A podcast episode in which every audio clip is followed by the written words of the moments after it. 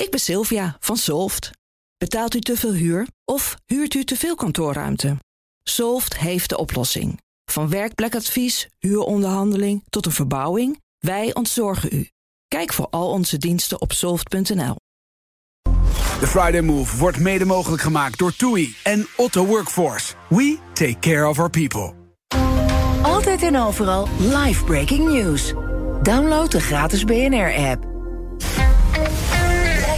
BNR Nieuwsradio. The Friday Move. Eerst de goederentrein geweest en daarna de trein van de NS. Het is een enorm datalek. We zijn al zes uur over stikstof aan het praten. Zes uur lang. Er wordt wat gegooid. Klaassen wordt geraakt. Wilfred We zitten gewoon in het Doubletree Hilton Hotel, maar niet in de Skylands. eh, op de eerste verdieping, je kan langskomen.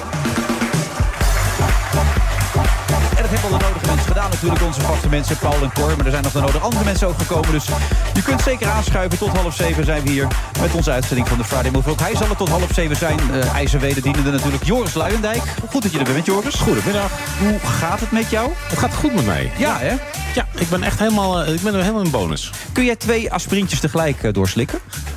Ik heb dat nog nooit geprobeerd, maar Nee? ik, ik, ja, ik wil dat op zich wel eens op mij nemen. Maar heb je er moeite mee om dingen door te slikken? Eh, oh, goed. Eens kijken. Ja, ja, ja, eigenlijk wel ja. Ik heb wel eens een soort kotsreflex dan. Ja, hè? Ja. Nee, ik zat in de auto hier naartoe.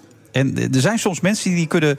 Ik kan gewoon drie, vier, vijf aspirines in één keer naar binnen mikken. Zo, hop, slik ik zo door. Boef, alsof er niks aan de hand is. Maar ik ken dus mensen die dat niet, ken, die dat niet kunnen. Die hooguit eentje tegelijk kunnen. Omdat ze anders die reflex krijgen. En ik, ik, bij jou kwam die associatie Ja. gewoon op. Ja. Gek, ja, hè? Ja.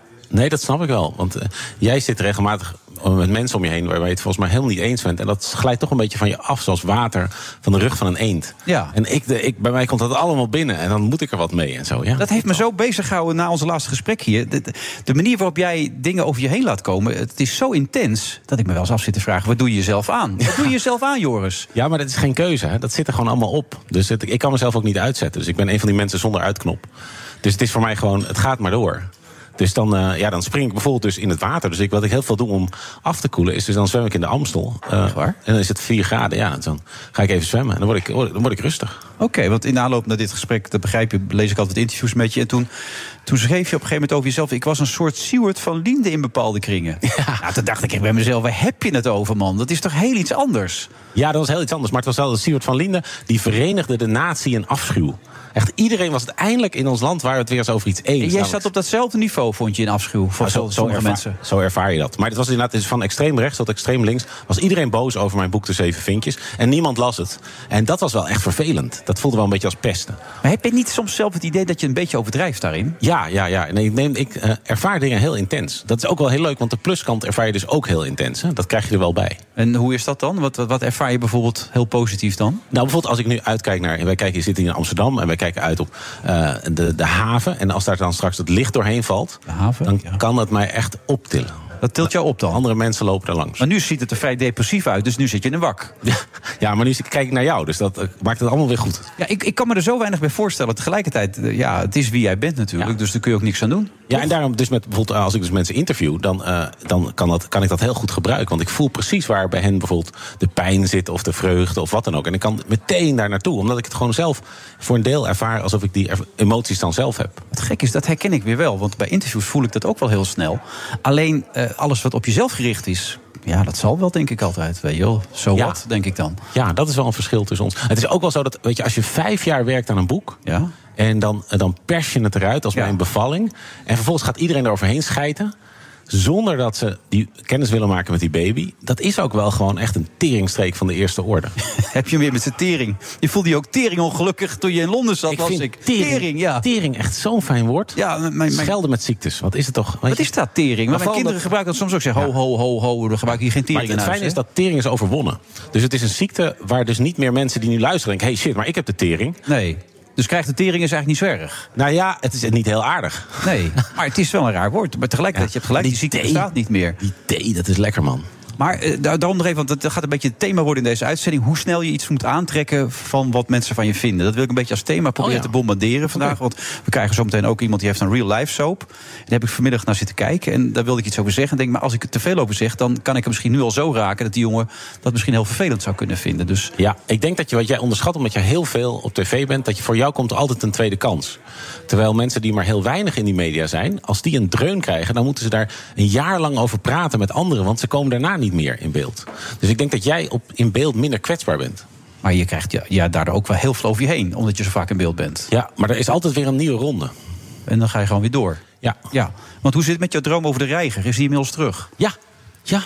Ja, het was echt weer. fantastisch. Ja, ik had dus een, altijd zo'n droom gehad, een typisch zo'n Hoe lang heb je die al? Die heb je zo'n beetje je hele leven. Ja, een geprivilegeerde man die dus dan als dus dan denk je, ik kan eigenlijk alles. En dan, dan ga ik dan beweeg ik een beetje met mijn armen en dan vlieg ik hier zo weg. En de mensen vinden dat ook normaal, die zwaaien een beetje en zo. En soms ga ik wat lager en dan ga ik weer wat harder zwemmen, en harder vliegen. En een tijdje was dat helemaal weg toen ik bij The Guardian zat in Londen, omdat ik daar dus helemaal niet in paste. En toen ik toen, mensen, toen een paar eh, collega's mij menen te moeten gaan pesten, was het ook even weg. Maar inmiddels vlieg ik weer gewoon De over de reiger stad. vliegt weer. Ja. niet de uil van Minerva, maar de reiger van Luijendijk. Ja, de reiger van Luijendijk, Maar hoe, dat heb je je hele leven gehad, die associatie. Ja, Als kind zijn ja, al. al een soort, ja, een soort almacht. Maar dat, dat, dat alles klopt of zo. Dat je gewoon ja, je kan vliegen, hè, het onmogelijke. Ja. En je kijkt van bovenaf dan Ja, alles en- aan. Ja, ja, heel harmonieus. Dus niet superieur, maar echt gewoon van, nou ja, weet je... Ik, ik ga dan toevallig op deze manier door de wereld. En jullie lopen daar, of je weet ik veel, je zit een auto, maar ik vlieg. Ik Ja. vlieg, doei. En het gevoel, want juist voor de uitzending vroeg ik even hoe het zat met je zware gevoel. Je bent dat zware gevoel ook kwijt. Je bent weer aan het vliegen naar alle kritiek die je over je heen hebt gehad. Ja, en het was ook geen kritiek, hè, want kritiek is inhoudelijk. Dus dan hebben mensen je boek gelezen en dan komen ze met iets... en dat is interessant, daar leer je Nou, van. het is een vorm van kritiek als ze het is- vanuit rechts zeggen dat jij hen hebt verlogend. En vanuit links zeggen dat jij dingen hebt gezegd die niet van jou mogen zijn, toch? Daar komt het op neer. Ja, dat is meer sabotage. Oké. Eh, dus, eh, en dat vond ik echt wel heel vervelend. Ook omdat volgens mij, eh, ja, ik had allemaal nieuw onderzoek gedaan, allemaal nieuwe dingen ontdekt. Het gaat nog steeds over de zeven vinkjes, hè? Voor de, De zeven vinkjes, ja, dat over de mannen die zich dus nergens hoeven invechten. Dus niet, Ja. qua, niet omdat ze wit zijn, niet in de witte wereld. Omdat ze man niet in de mannenwereld. Omdat ze hetero zijn, niet in de hetero-wereld. Omdat ze hebben geen migranten, dus ze hoeven niet in een andere cultuur in te vechten. En ook niet in de elite der hoogopgeleiden. Want hun ouders zitten al in de elite der hoogopgeleiden. Die mannen, als ze dan ook nog VWO en gymnasium hebben en universiteit. Dat is maar 3% van de bevolking. En die zitten vijf van de zes premiers. Acht van de afgelopen tien ministers van Justitie. Ze zitten bovenin op twee van de drie plekken. En die hebben dus een fundamenteel gebrek aan levenservaring. Omdat ze dat invechten nooit hebben geleerd. En zij bepalen voor de rest wat we gaan doen aan discriminatie. Nou, dat is volgens mij echt wel een zinvol punt om, eh, om inhoudelijk te behandelen. En om dan te roepen van, je mag niks zeggen, want je bent een witte man. Dat, dat, ja, wat is dat nou weer? Weet je, wat kunnen we daar nou weer mee?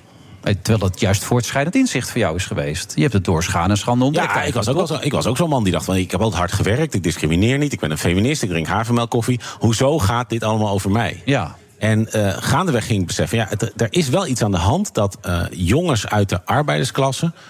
op het moment dat ze bij mij in mijn wereld komen... gaan praten zoals ik.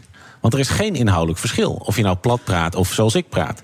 Maar er is iets dat ze onderweg op school of op de universiteit... of op hun werk hebben bedacht van... ik kan maar beter niet klinken als Bastiaan Adriaan, Siske de Rad of Ma Vlodder. Want dan doe ik mensen denken aan Bastiaan Adriaan, Siske de Rad en Ma Vlodder. En daar ben ik ook een onderdeel van. Volgens mij hebben we nou, we hebben het daarover gehad, ja, inderdaad. Dat jij, jij bent een klassenmigrant, Ja. zoals dat heet. Dus iemand dus niet, niet van het ene land naar het andere land gaat... maar van de ene sociale klasse naar de andere sociale klasse. En ja, daar krijg ik ontzettend Maar veel... verloochent zo iemand zichzelf dan ook, vind jij? Nee, nee, nee. Nee, dat hoeft niet. Maar wat er wel heel vaak is, is dat mensen zeggen van... ik kan steeds moeilijker aan mijn ouders uitleggen... eh, hoe mijn leven eruit ziet. En ze zijn trots op mij, maar ze snappen eigenlijk niet waarop ze trots zijn. En eh, als iemand promoveert aan de universiteit, dan denken, denken de ouders van... hoezo word je dokter, ga je dan in het ziekenhuis werken? En, en dus die pijnlijke... Wat je vaak hoort van klassenmigranten... is dat ze hun ouders niet uitnodigen op de diploma-uitreiking... omdat ze niet willen dat hun vrienden hun ouders leren kennen... en hun, hun ouders hun vrienden. Maar dat is een vorm van schaamte dus ook, ja, die daar heel sterk in meespeelt. Ja. Ja. ja, ik weet niet of je dat herkent. Dat herken ik niet zo. Alleen het is wel, de- mijn, mijn meeste van mijn vrienden kennen mijn ouders. Ja, mijn vader leeft helaas niet meer. En die, die weten dat op een gegeven moment ook. Dat die, eh, ja, hoe kan je dat nou best uitleggen? Inderdaad, uit een andere levenswereld te komen, ja. Een andere belevingswereld, daar komt het eigenlijk op neer. Het gekke is dus dat een, een klassenmigrant zou veel meer reden hebben voor trots. Want een klassenmigrant komt van verder. Zeg maar, als wij allebei universiteit hebben gedaan, dan ben jij van verder gekomen. Dus jij kan waarschijnlijk meer dan ik. Maar jij houdt, veel klassenmigranten houden het geheim. En veel zoontjes van eh, nou, de lerares of de psychiater of de, de medisch specialist, die praten daar net het over. Dat is heel raar. Als een prestatiemaatschappij zouden zijn, zou je het andersom verwachten. Ja, zoals je het beschrijft wel, ja. Hoe minder vinkjes, hoe knapper je prestatie, maar hoe kleiner je kans op promotie. Dat is echt heel raar in ons land. En dat dreigt nog steeds niet echt te veranderen. Tenminste, daar ga jij wel eens aan doen met je voorstellingen. Maar dat is nog steeds lastig, toch, in dit land? Omdat... Het is echt een. Het, het punt is dat die, die mannen zoals ik, die denken dat ze onschuld, onschuldig zijn. Dat het ligt niet aan hen. Hè, dus, dus Nee, ze vinden discriminatie eigenlijk ook niet in orde. Nee, maar dus- ze maar, kunnen zich niets meer voorstellen hoe het. Ru- Rutte eh, stelt zijn eerste kabinet voor met Maxime Verhagen, allebei zeven vinkjes. Zijn tweede kabinet met Diederik Samsom, allebei zeven vinkjes. Zijn derde kabinet met Pechtold, Segers en Buma, alle vier waren dat zeven vinkjes. Vervolgens zegt iemand van, hé hey, Rutte, dat is nou gewoon je derde kabinet met geen enkele persoon van kleur... en weer meer mannelijke ministers dan vrouwelijke. En hij zegt, ja, maar we gaan voor de beste. Dan ben je klaar. Dan ben je dus echt, zit je gewoon helemaal in je eigen onschuld. En dit was dus Rutte 3, hè, met dus Ja. eh, Halbe Zijlstra, Bruno Bruins, Ferdinand Grapperhaus en Hugo de Jonge. Want je moet er niet aan denken wat voor corona we hadden gehad als we niet voor de beste waren gegaan. Ja. Maar dat is de houding. Toen Rutte werd eh, veroordeeld wegens racisme in 2003 als staatssecretaris, zei hij, van, zei hij niet van: Oh mijn god, wat heb ik gedaan? Hij zei: Oh, hoogste tijd om de wet te veranderen. Weet je, hoe bereik je dit soort mannen? En dat was dus het idee achter een theatertour. Dat ik dacht, die mannen. Die willen mijn boek niet lezen. Die krijgen het van hun vrouw, van hun dochter, van hun buurvrouw, van hun collega. En ze lezen het niet. Dacht ik, als ik nou een theatertour maak. dan kunnen die vrouwen hen, die mannen gewoon uitnodigen. Schat, verrassing. Wordt echt een hele leuke avond. Misschien ook wel een hele leuke nacht zelfs. En we gaan naar het theater. Ja, en dan kunnen ze niet meer terug. En herkennen ze zich dan? Of willen ze zich niet herkennen op zo'n moment dan? Dat zit ik me altijd af te vragen. Ik, de, de- tot nu toe is het heel vaak zo dat ze enorm tegenstribbelen. En dan ergens gaan ze om.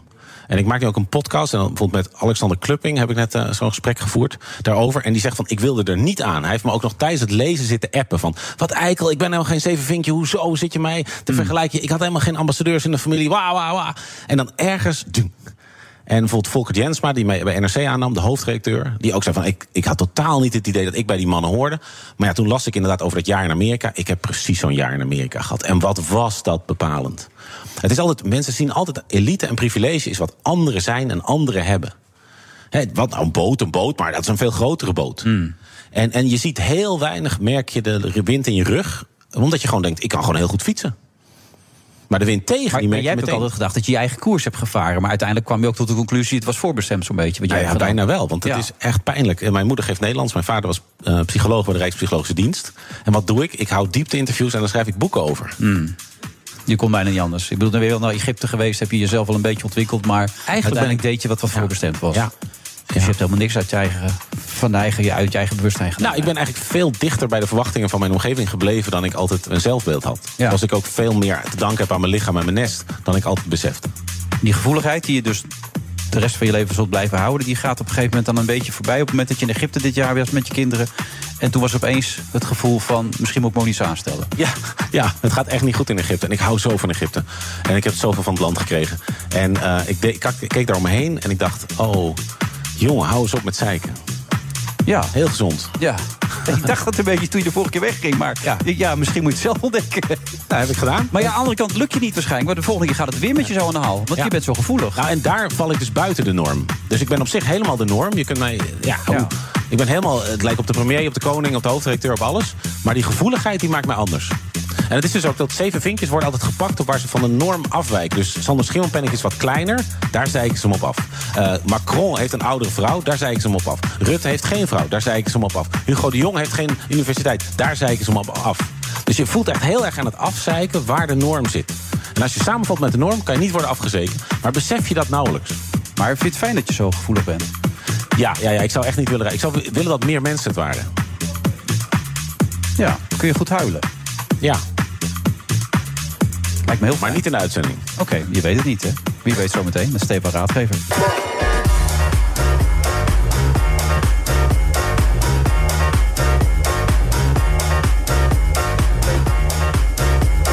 Even over de zeven vinkjes. En dan kun je er natuurlijk niet omheen. Want dat gaat jouw voorstelling natuurlijk de komende tijd zijn. Je kan hem overal bekijken. Amstelveen, begreep ik, eh, was de eerste van de week. En, en hoe, hoe ging dat? Ja, Amstelveen plat gespeeld, mensen. Plat gespeeld? Plat gespeeld. Ja? Schreeuwende meisjes. En dan, eh, ja, dus komende week Zeist. En de week daarna Utrecht. En dan verder uh, Utrecht, je weet dat, Den Haag, Rotterdam, Amsterdam. Alle grote steden, mensen. Ja, nou, te boeken. Kijk maar even op de website. Stefan, goed dat je er bent. Goedemiddag. Ben jij gevoelig eigenlijk? Ja, hè? Denk ik wel. Gevoelig type ben je ook. Ja, Ja. ja. Ja, me- ja eigenlijk wel. Wel je makkelijk? Steeds makkelijker. En het cliché wil dat de geboorte van mijn zoon daar nog extra in mee heeft gespeeld. Sinds dat is gebeurd, Ja? eh, kan ik echt bij de meest knullige liefdesfilm eh, sniffen. En hoe Ja. was dat moment dan, toen het mannetje naar buiten kwam, voor jou?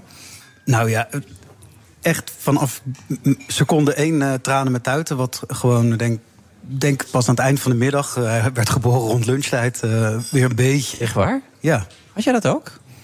Ja, ik vond het ongelooflijk. Maar tot het gebeurt, denk je van het kan ook een konijn zijn. Het moet- het begint, voor een man begint het echt pas als het, voor, tenminste voor mij, als het zichtbaar was. Ja. Dat het zichtbaar is. En voor je vrouw is, is, is er al wel negen maanden 24-7 mee bezig. Ja, er zit wel heel, zit wel heel wat in, ja. Ja, ja ik, ik kwam me erin dat ik voor het eerst een, een, een elleboog voelde... dat ik dacht, dit is niet een bobbel of een konijn, maar een mens. En, eh, ja, en toen was het een week later, was, was hij er. Dus uh, moesten we echt aan de bak. Maar, uh, grappig, Danny Vera, die altijd bij ons speelde, weet je, bij Vandaag in. Die, als hij dan zijn dochter ziet, dan, dan moet hij spontaan vaak huilen. En dat ziet er ook Oh, uit als een Oh, hele stoere rocker, weet je wel. Maar dat is echt een zachte ei, niet te geloven. Maar ik vind het wel knap dat je het kan. Zijn daar tips voor om, om makkelijker te kunnen huilen? Maar heb jij dat helemaal niet? Ik kan dat heel slecht. Het is niet mijn ding.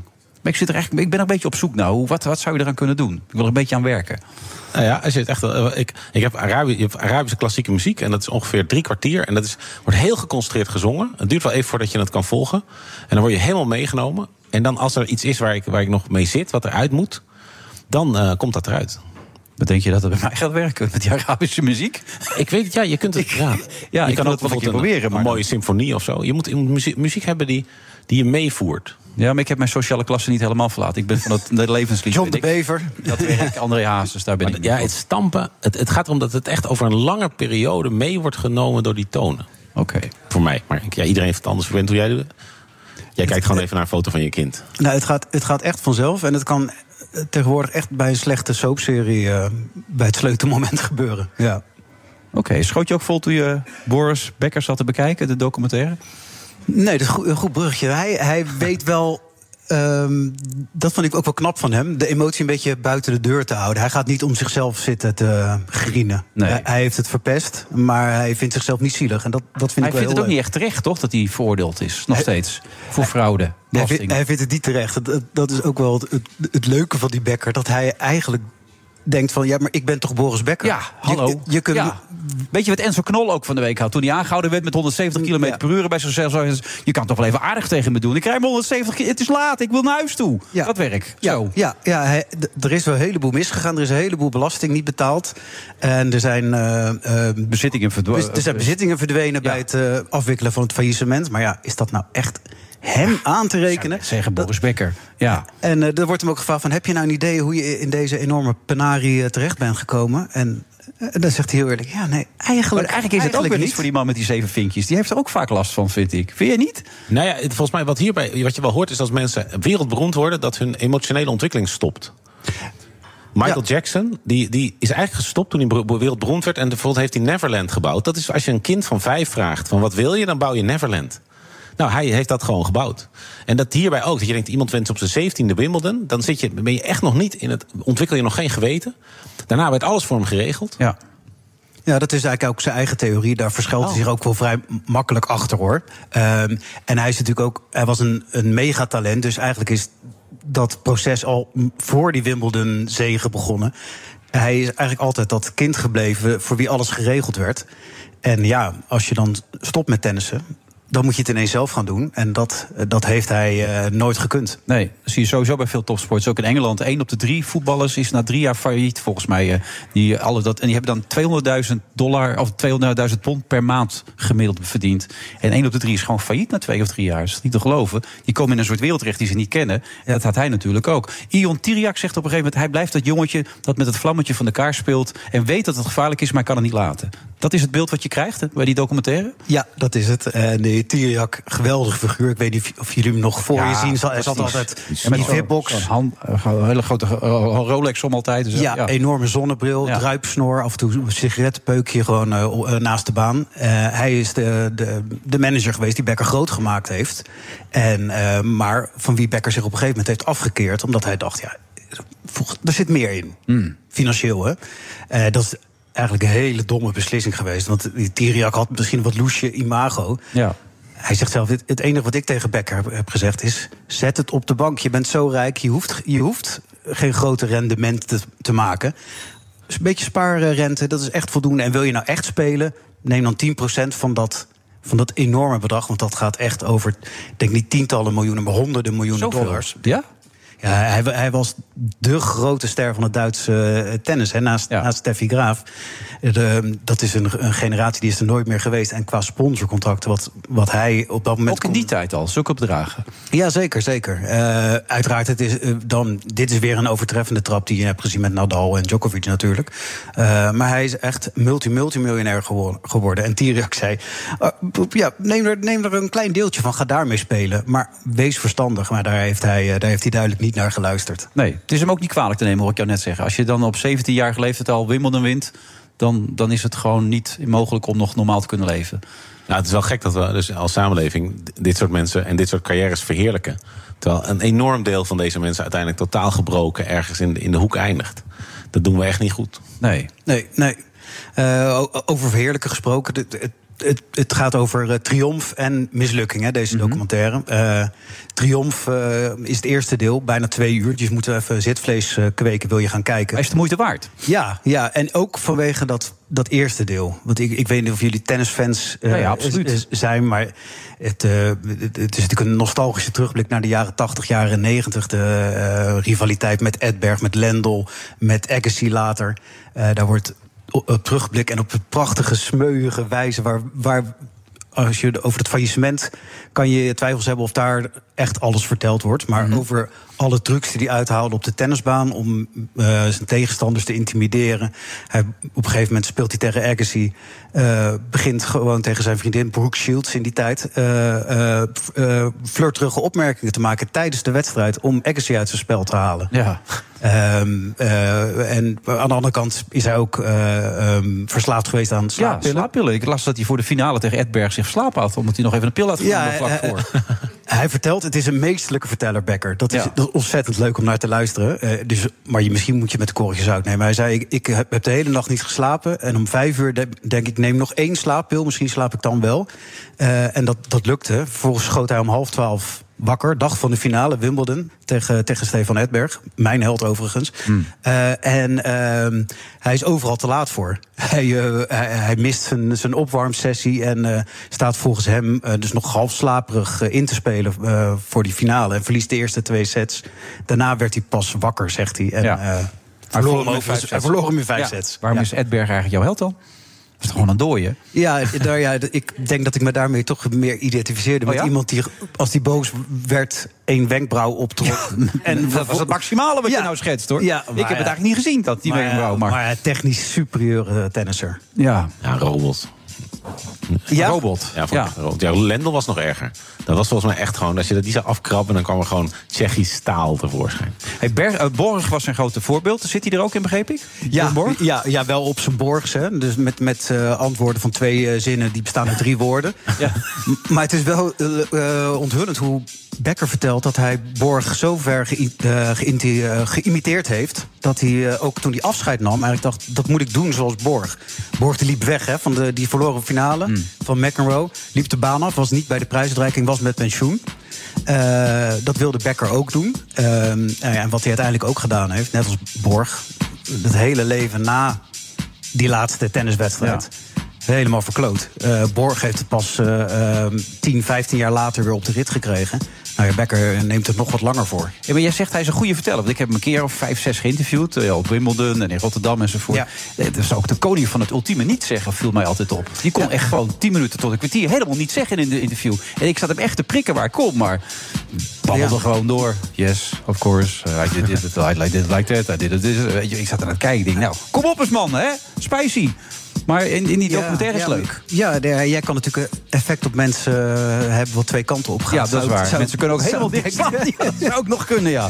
ja. Eh, ja, er zit natuurlijk die, dat verhaal in van die, eh, dat, die het buitenechtelijke kind... wat hij dan eh, verwekt in een... Maar het is er niet in de bezemkast, begrijp ik nu, toch? Nee, dat, nou, dat weet hij dan heel charmant. Weet hij dat te vertellen van... eh, ik ga er helemaal niks over zeggen. Nou, vervolgens is hij een paar minuten antwoord. En het einde van het verhaal is... het was geen bezemkast. Nee, maar heeft ze het nou oraal tot zich genomen en later bij zichzelf ingebracht? Of is het wel tot Ja, dat, gekomen? dat- zover, ik denk Dat hij zover censuur heeft weten te passen. niet? Ik, ik ken het verhaal. Ja, maar daar was het toch dat ze het, het oraal had zich eh, laten welstellen.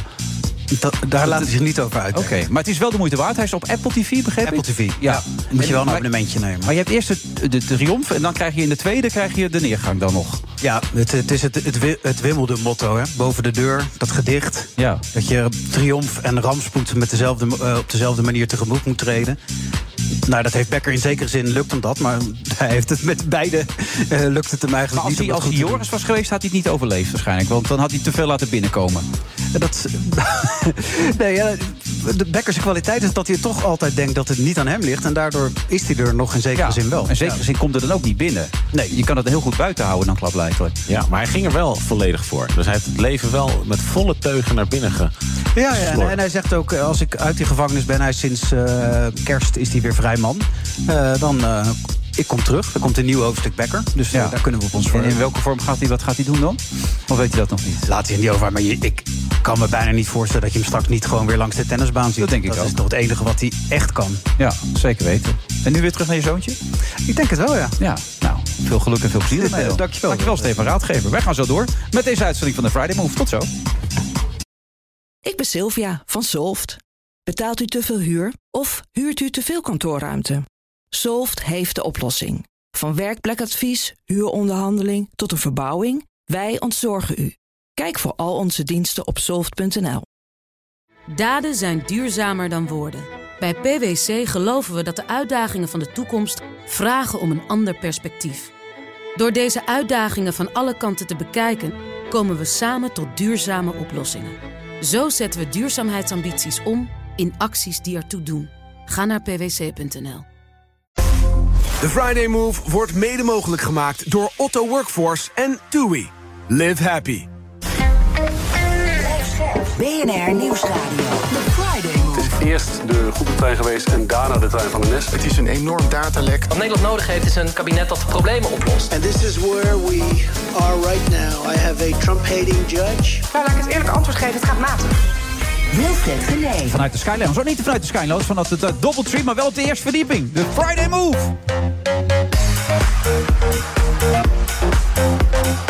Allemaal op eh, vrijdag 7 april. Joris Luijendijk, een man die makkelijk huilt, die ook makkelijk zijn voeders toe kan laten. Echt een belangrijke eigenschap in een tijd als deze natuurlijk. Dankjewel, eh. Ehm, is nu het theater ingegaan met de zeven vinkjes en daar krijgt hij louter goede reacties op. Wat gebeurt er als er slechte reacties komen bij jou dan? Dan Eh. hebben mensen het echt gehoord en hebben ze zich ervoor opengesteld. En ze zeggen wat een kut verhaal. Dat is dan wel weer wat weinig genuanceerd. Maar als het dus inhoudelijk is... en als mensen zeggen, hé, maar heb je, heb je hier wel naar gekeken... of heb je daar wel naar gekeken? Dat zijn cadeautjes. Dan Ja. begrijp ik meer. Maar dat gebeurt nog wel eens. Ja, ja, ja, ja. Dat je denkt van, hé, die, die had ik nog niet gezien. Ja, ja, ja dat is, er is zoveel te leren over hoe een maatschappelijke norm werkt. En hoe mensen zich gaan aanpassen. En weer vergeten hoe ze zich zijn aan gaan aanpassen. En de pijn over die aanpassing. En laatst vroeg ik aan een eh, mevrouw die werkt bij de gemeente Amsterdam. eh hoofddoek. Die zei: Hoe ga jij nou om met die zeven vinkje mannen? Hoe creëer je nou, breek je nou door? Zij zei: Ja, ik heb geleerd, ik moet iets persoonlijks vertellen.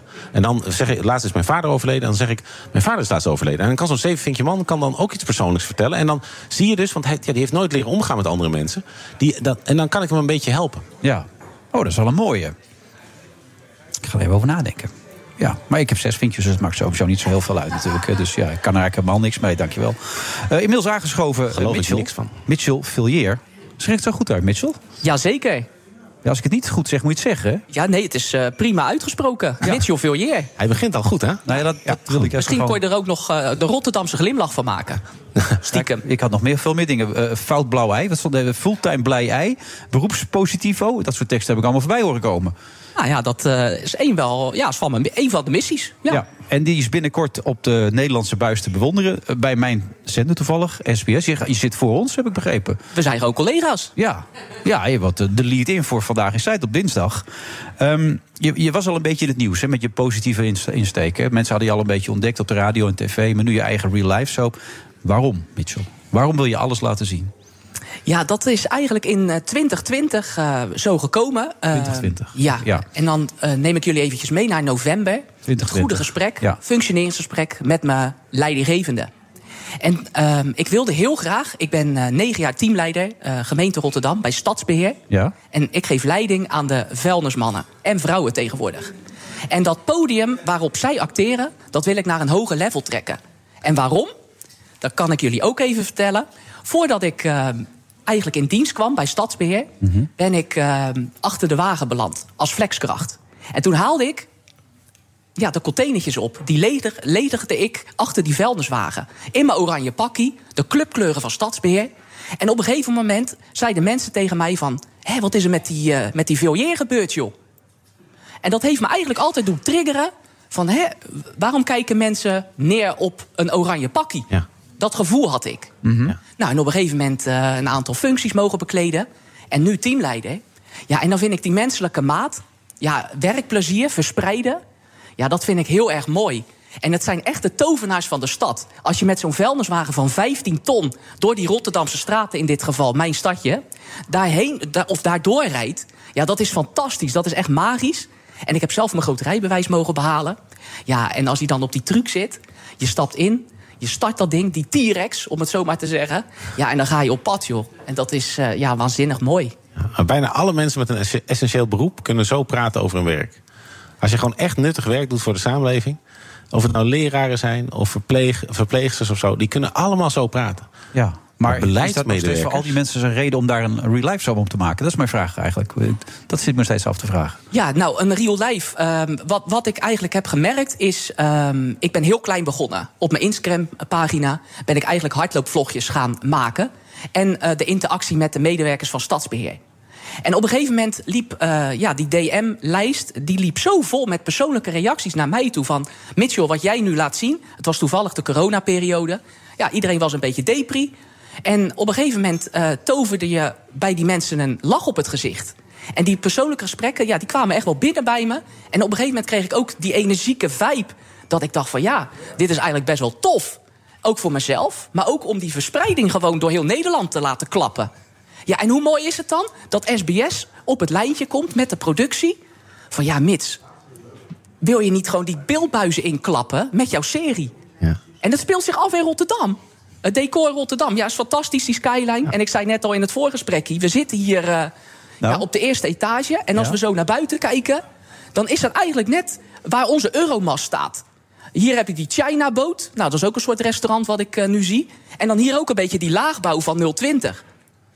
Ja, ik vind het mooi. Ik vond het zo prachtig dat jij mij vroeg van, zijn wij hier in Oost? Dus dat je niet eens weet dat dit het, dat dit het centrum is. Dat, dat vind ik zo mooi in Rotterdammers. Als wij gewoon als Amsterdammers in de zee zouden zakken... jullie zouden het niet eens merken. Omgekeerd ook overigens. Nou, we hebben reddingsbootjes, we komen er echt aan. Ja, want je zegt ook 020, zeg jij gewoon. Je zegt niet Amsterdam. Ehm, ja, dat is dan een woordverspreking, maar ik kon ook eh, Amsterdam... Oh, je kan het wel uit je mond krijgen. Ja, zeker, Er ja. zijn Rotterdammers die het Ja. niet uit de mond kunnen krijgen. Nee, ja, ik ben hier met een elektrisch voertuig. En hij hield ook echt niet op eh, bij de scheidingslijn eh 010. Die technologie hebben wij. Ja, ja, Ja. Nou ja, dat maakt het zo mooi. En ook voor de serie. Want ik krijg inderdaad nu regelmatig de vraag van mensen... wie dan bijvoorbeeld in 020 wonen of 030... van ja, Mits, het is allemaal Rotterdam. Maar wat moeten wij er dan mee? En dan zeg ik eigenlijk van ja, weet je... ik geef die, eh, dat podium aan de mannen en vrouwen van die uitvoering... en jullie halen toch ook afval op? En mijn kernmissie is eigenlijk positiviteit, luchtigheid en energiek. Nou, dat kan je eigenlijk in heel Nederland gewoon verspreiden. Wat is volgens jou het grootste misverstand over mensen die eh, bij de vuilnis werken? Ehm, dat het vies werk is. En vandaag de dag, en dat zien jullie ook terug in de serie... ja, die machines waar ze mee werken, dat is zo eh, specialistisch. En om chauffeur te worden, is het niet alleen maar het rijbewijs behalen. Nee, zeker niet. Het is eigenlijk elk jaar ja, eh, gecertificeerd blijven Je moet heel veel dingen eh, kunnen. ja, klopt. En als je dan met zo'n kraan, zo'n wijcontainer, want die hebben wij hier ook, die heb ik net gezien. Ja, dan gaat die kraan naar die bak toe. Ja, en dan is het eigenlijk een soort van computerspel. Maar vervolgens staan er twintig auto's achter je. Ja. Toet, tuut, tuut, tuut, tuut, tuut. Dus ja, die vakbekwaamheid. Ja, je kan wel met zo'n joystick werken, maar ook die servicegerichtheid en tegen die stress kunnen. Ja, dat is heel erg mooi om eh, mee te maken. En als ik dan een bakkie kom doen bij die mannen en vrouwen in de kantine. Ja, dan, dan kom ik ernaast zitten en dan zie je die twinkeling in hun ogen. Van wat voor dankbaar werk zij mogen doen. En heel eventjes terug, eh, kijkend naar anderhalf maand geleden, de stakingen. Ja, dat is niet leuk. En dan mag ik als teamleider. Hij is gewoon niet stop, deze jongen. Maar ga door, ja. Ja, ja, ik wil deze toch wel even benadrukken. Want dit vond ik een hele mooie van die liefde vanuit het Rotterdamse hart van die collega's. Stakingen, nou, is niet leuk. Maar vervolgens vroegen ze aan mij van... wil je dat op de plaat vastleggen voor ons? Wat het, voor ons, wat het met ons doet, hè, die verhogingen, et cetera.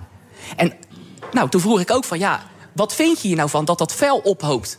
Ja, mijn Rotterdamse hart gaat huilen. Maar sorry, we, we moeten dit eventjes doen. En weet je, dan, dan, dan voel je gewoon, als het dan vervolgens in kan en kruik is... dat er dan vanuit alle hoeken van de organisatie... want er zitten ook mensen met een groot rijbewijs op kantoor... die waren vroeger chauffeur, die zijn doorgegroeid naar andere functies. Maar toen die stakingen voorbij waren, kregen wij berichten... van nou joh, ik heb nog een geldig rijbewijs... joh, eh, mag ik even meehelpen? Mitchell, nu even de andere kant. Hè, want hier zit een zeer gevoelig mens naast ons. Eh, die heeft een tijdje in een wak gezeten omdat er wat, eh, wat wind tegenwaaide. Wa- wat ga jij doen? Stel, onvoorstelbaar bijna. Want ik, ik neem aan dat het een groot succes wordt. Want alle real life soaps bij SBS6 werken op het, al- over het algemeen wel. Stel dat het nou niet zo aanstaat als jij zou hopen. Wat zou dat met jou kunnen doen? Ehm, nou, dat zou ik jammer vinden. Omdat, één, ehm, ik probeer door de positiviteit geen doelgroepen uit te sluiten. Dus ik, ik ben juist voor saamhorigheid. Hmm. Ja, en als dat ingrediënt dan niet aan zou komen... Ik heb dus die eerste aflevering zitten kijken. En ik ben niet de doelgroep ben ik achtergekomen. Want als Oh. jij weer die deur, die, die deur uitkomt en weer roept... we gaan er weer tegenaan en we starten de auto... en we, hè, we, we gooien weer een bakje erin. Ja. Op een gegeven moment denk ik, ja, nu weet ik het wel. Maar het is wie ik ben. Hè? Dus ik, ik hoop dat er heel veel mensen gaan kijken. En ik denk dat ons directeurtje er ook heel blij mee zou zijn. Maar eh, stel dat dat nou niet gebeurt. Ik bedoel, hoe zou dat met, wat, wat zou dat met je doen? Ehm, nou, mij persoonlijk eh, zal dat natuurlijk raken. Want dat zou ik jammer vinden. Omdat het gewoon echt uit het, eh, uit het hart komt. De Ja. puurheid, de, de, de, de authenticiteit. Ja, inmiddels begin ik dat te geloven. Want ik zat te kijken, dat kan helemaal niet. Iemand kan niet de hele dag door als een soort Duracell-batterij... eh, konijn eh, hè, de- de- door het leven gaan. Maar dat doe je echt. Nou, ik kan je vertellen, dat hebben ze heel mooi ehm, in de serie... eh, ja, hebben we dat met elkaar volbracht. Het is niet alleen maar energiek 42 minuten lang. Maar wel veel hoor, kan ik je vertellen, als je zit te kijken. Ja, het is positief. Zeker. was, ik was redelijk uitgeput na die 42 minuten. Ja, maar er zit ook een stukje emotie achter. En dat ga je dadelijk naarmate de serie eh, vordert, ga je dat terugzien. Aflevering 3 bijvoorbeeld. Er wordt ook noteer traan gelaten. Oké, ja, eh, schrijf hem maar op. Ja. Ja, die schrijven we even op. Aflevering 3, Traan. Ja, Traan. ja, Traan, aflevering 3, ja. Want wat het werk nou zo mooi maakt... enerzijds ben je heel dicht bij de voordeur van de Rotterdammers... en soms kom je er ook achter. En dan maak je gewoon de persoonlijke verhalen... ook van de Rotterdammers mee. En ja, er is iets gebeurd, eh, wat ook in de serie terugkomt... wat me echt wel... eh, ja, dat, dat viel mij zwaar. Geloof je hem, als je hem zo ziet zitten? Ja, ja. Ja? Ja, ja. ja. Het is echt. Ja, ja, klopt. Ja. Dat is mooi. En daarom waarschuw ik een klein beetje voor die wereld. Want die wereld is niet altijd even mooi, waar je in terecht gaat komen nu. Dat is helemaal waar. En dat is wat ik een beetje bedoel.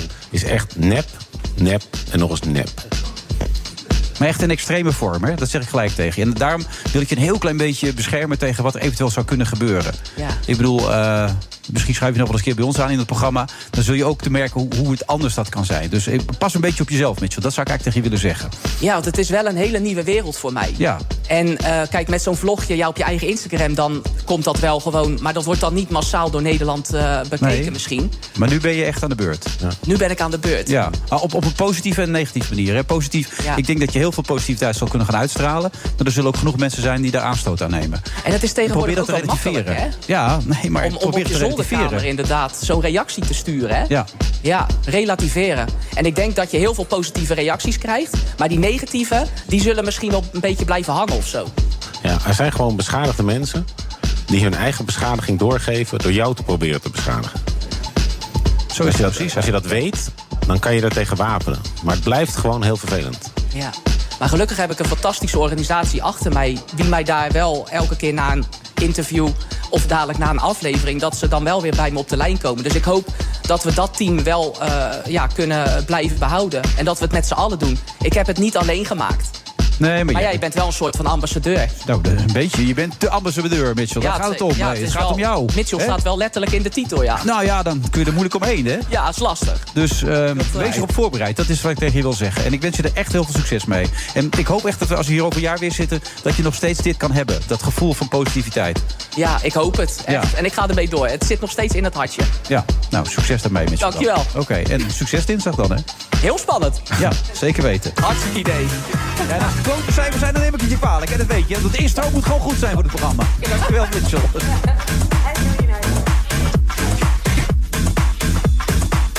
Friday Move, vrijdag 7 eh, april. En aanstaande dinsdag is hij de wonder om half negen op SBS 6. Dus uh, te bekijken nou, ik ben heel benieuwd, heel gezegd. Maar ik heb hem al gezien. Veel energie, daar komt het wel opnieuw.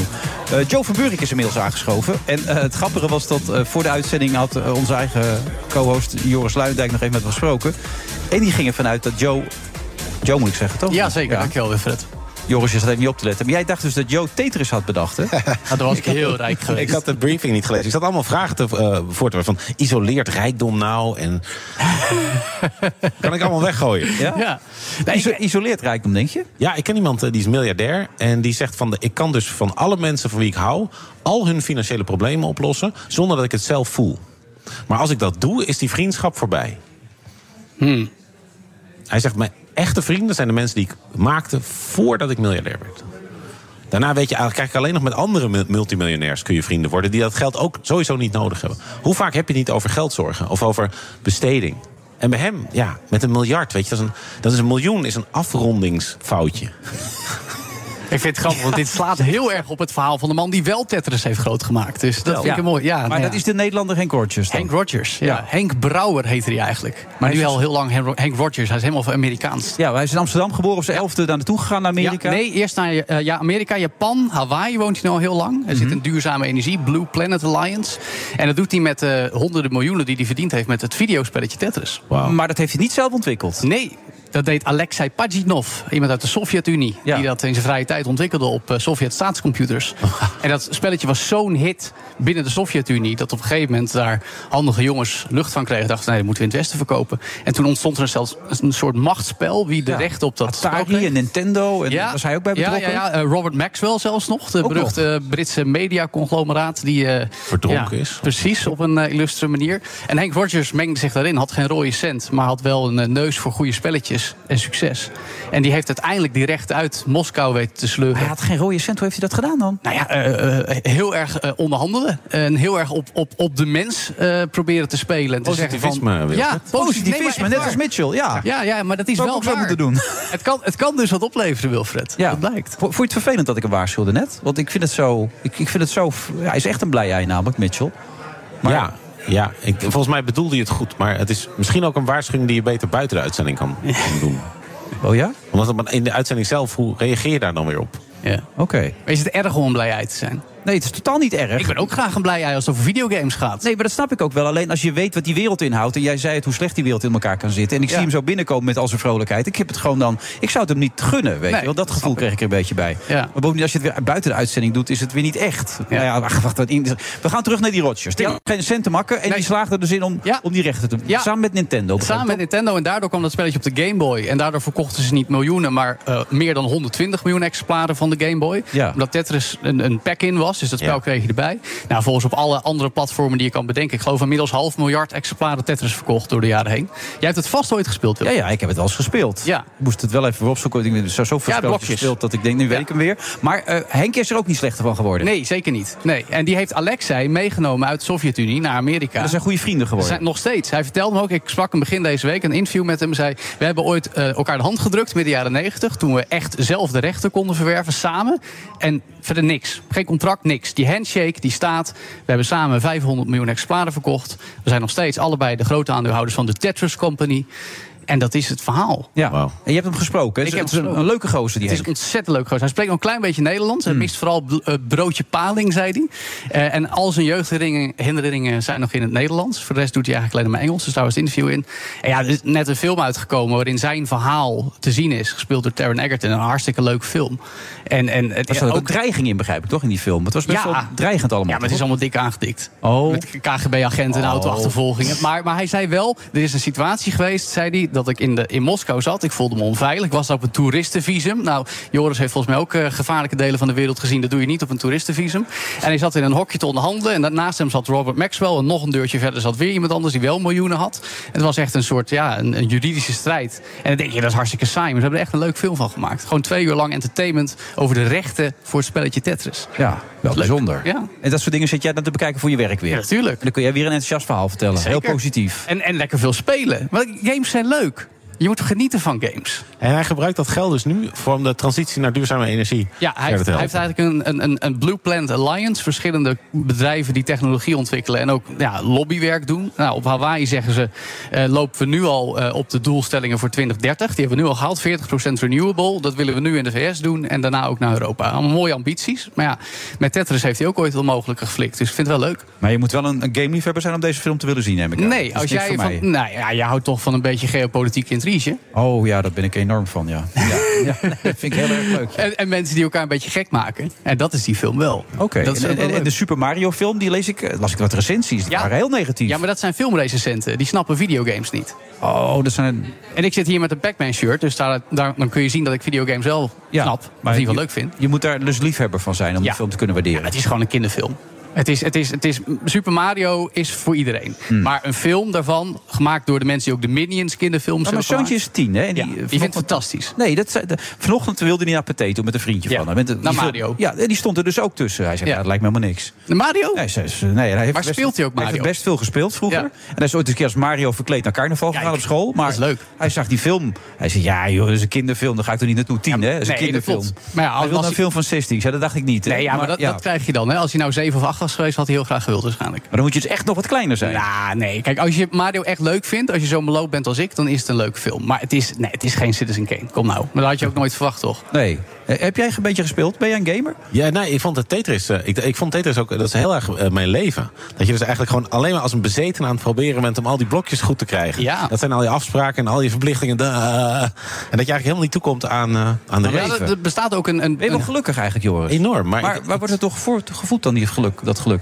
Ehm, Of het- daardoor, omdat dat je zoveel dingen doet, Wat mag je je nou met bestaan. zo'n man, hè? Kan wij niet gewoon samen een beetje, een beetje Ja, praten? maar mag je daardoor bestaan of zo dan, als je al die dingen maar doet? Nee, maar het zijn allemaal hele, hele leuke dingen. Dat, dat zijn allemaal dingen waar ik denk, ja shit, dat wil ik ook doen. Weet je, dan, Oh, Oké. ja, dat, ja, het zijn veel te veel dingen leuk in het, Ja. in het leven. Nou, maar videogames moeten daar wel een plaats in krijgen. Ja, dat is ook hyperverslavend. Dus Ja. ik eh, En, en, en dit is een trend, Wilfred, dat wil ik nog wel zeggen. Want er komen steeds meer gamefilms en series aan. Eh, Netflix heeft ontdekt, HBO Max heeft het ontdekt. Comic books, superhelden is echt uit. Daar halen ze geen succes meer mee. Inspiratie komt nu allemaal uit de videogames. Omdat er nu meerdere generaties mee zijn opgegroeid. De makers van die series en films die snappen ook wat games leuk maakt. Ja. Dus de komende jaren gaan we nog heel veel gamefilms in de bioscoop zien. Ik weet nog dat ik de Matrix zag. En dat was de eerste keer dat je dus eigenlijk die soort videogame manier van Ja. bewegen zag. En nu zag ik hem laatst weer. Toen dacht ik, ik ben er zo aan gewend. Dat is echt helemaal... De gaming heeft dat helemaal, helemaal veranderd. En het heeft wel een manier van kijken naar hoe wij andere werelden ervaren heel erg beïnvloed. En dat is leuk. De, de makers van de Matrix films waren al enorme gameliefhebbers. En dat hebben ze in die film verwerkt. Ja, en leuk, nu hoor. is het dus ook met de naam van bepaalde games. Wel grappig, die Mitchell had dat en hij heeft het ook, die, die passie, hè? Dat is wel leuk om te horen. Maar jij hebt toch ook passie, maar dan voor voetbal bijvoorbeeld? Hij zit een beetje op zijn telefoon. Nee, nee, Ja, ik, kijk, deze speel ik elke avond. Farm. Heroes. Die speel ik elke avond. Elke avond slapen. Ja, nou zie je, dus jij bent ook een gamer, Wilfred. Ja, ik vind het Dat vind ik nou leuk. Maar, wat, oh, maar vertel me, wat maakt dit spelletje zo leuk? Vertel me nog even. Want ik wil dit ook snappen, want ik speel dit dan weer niet. Ja, je je wilt die oplossing steeds vinden, hè? Je, moet het, het- je weet hoe het spel werkt, of niet? Nee, vertel me. Nou, je moet zoveel appeltjes, zoveel peertjes, dat soort dingen binnenhalen. En als je van alles genoeg binnenhaalt, dan ga je naar het volgende level toe. Ja, dat Leuk. is heel verslavend. Je moet een keer in dat. mijn podcast komen. Ik heb een rubriek dat BNR-collega's over hun favoriete games komen vertellen. Ja, nee, ik ben... eh, langs. Ik heb toch eh, tijd genoeg, dus kom ik er langs. Leuk? Ja, hartstikke leuk. Ja. All in the game. Joe, dankjewel. Graag gedaan. Tot de volgende keer. The Friday Move. Ik ben Sylvia van Solft. Betaalt u te veel huur of huurt u te veel kantoorruimte? Solft heeft de oplossing. Van werkplekadvies, huuronderhandeling tot een verbouwing, wij ontzorgen u. Kijk voor al onze diensten op soft.nl. Daden zijn duurzamer dan woorden. Bij PwC geloven we dat de uitdagingen van de toekomst vragen om een ander perspectief. Door deze uitdagingen van alle kanten te bekijken, komen we samen tot duurzame oplossingen. Zo zetten we duurzaamheidsambities om in acties die ertoe doen. Ga naar pwc.nl. Friday Move wordt mede mogelijk gemaakt door Otto Workforce en TUI. Live happy. Altijd en overal op de hoogte blijven. Download de gratis BNR-app. BNR Nieuwsradio. The Friday Move. Eerst de goede trein geweest en daarna de trein van de NS. Het is een enorm datalek. We zijn al zes uur over stikstof aan het praten. Zes uur lang. Daar wordt wat gegooid. Klaassen wordt geraakt. De Friday Move van Joris Luijendijk is mijn co-host vandaag hier in eh, de Doubletree Hilton Hotel in Amsterdam.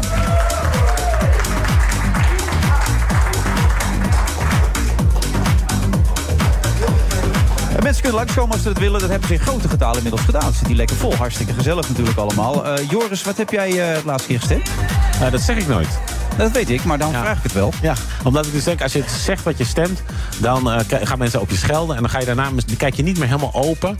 Oh, bijvoorbeeld, ik had vroeger met Israël en de Palestijnen. Dan, ik schreef ook, liet ook nooit horen waar ik stond. Omdat ik dacht, als ik dat helemaal heb gezegd... dan wordt de andere kant boos. En dan, als ik dan weer naar de Palestijnen ga bijvoorbeeld... dan kan ik niet meer open kijken naar wat daar gebeurt. Omdat ik eigenlijk gelijk wil halen hoe, vanwege dat standpunt... wat ik eerder heb ingenomen. Maar ik ga altijd stemmen. Oké. Okay.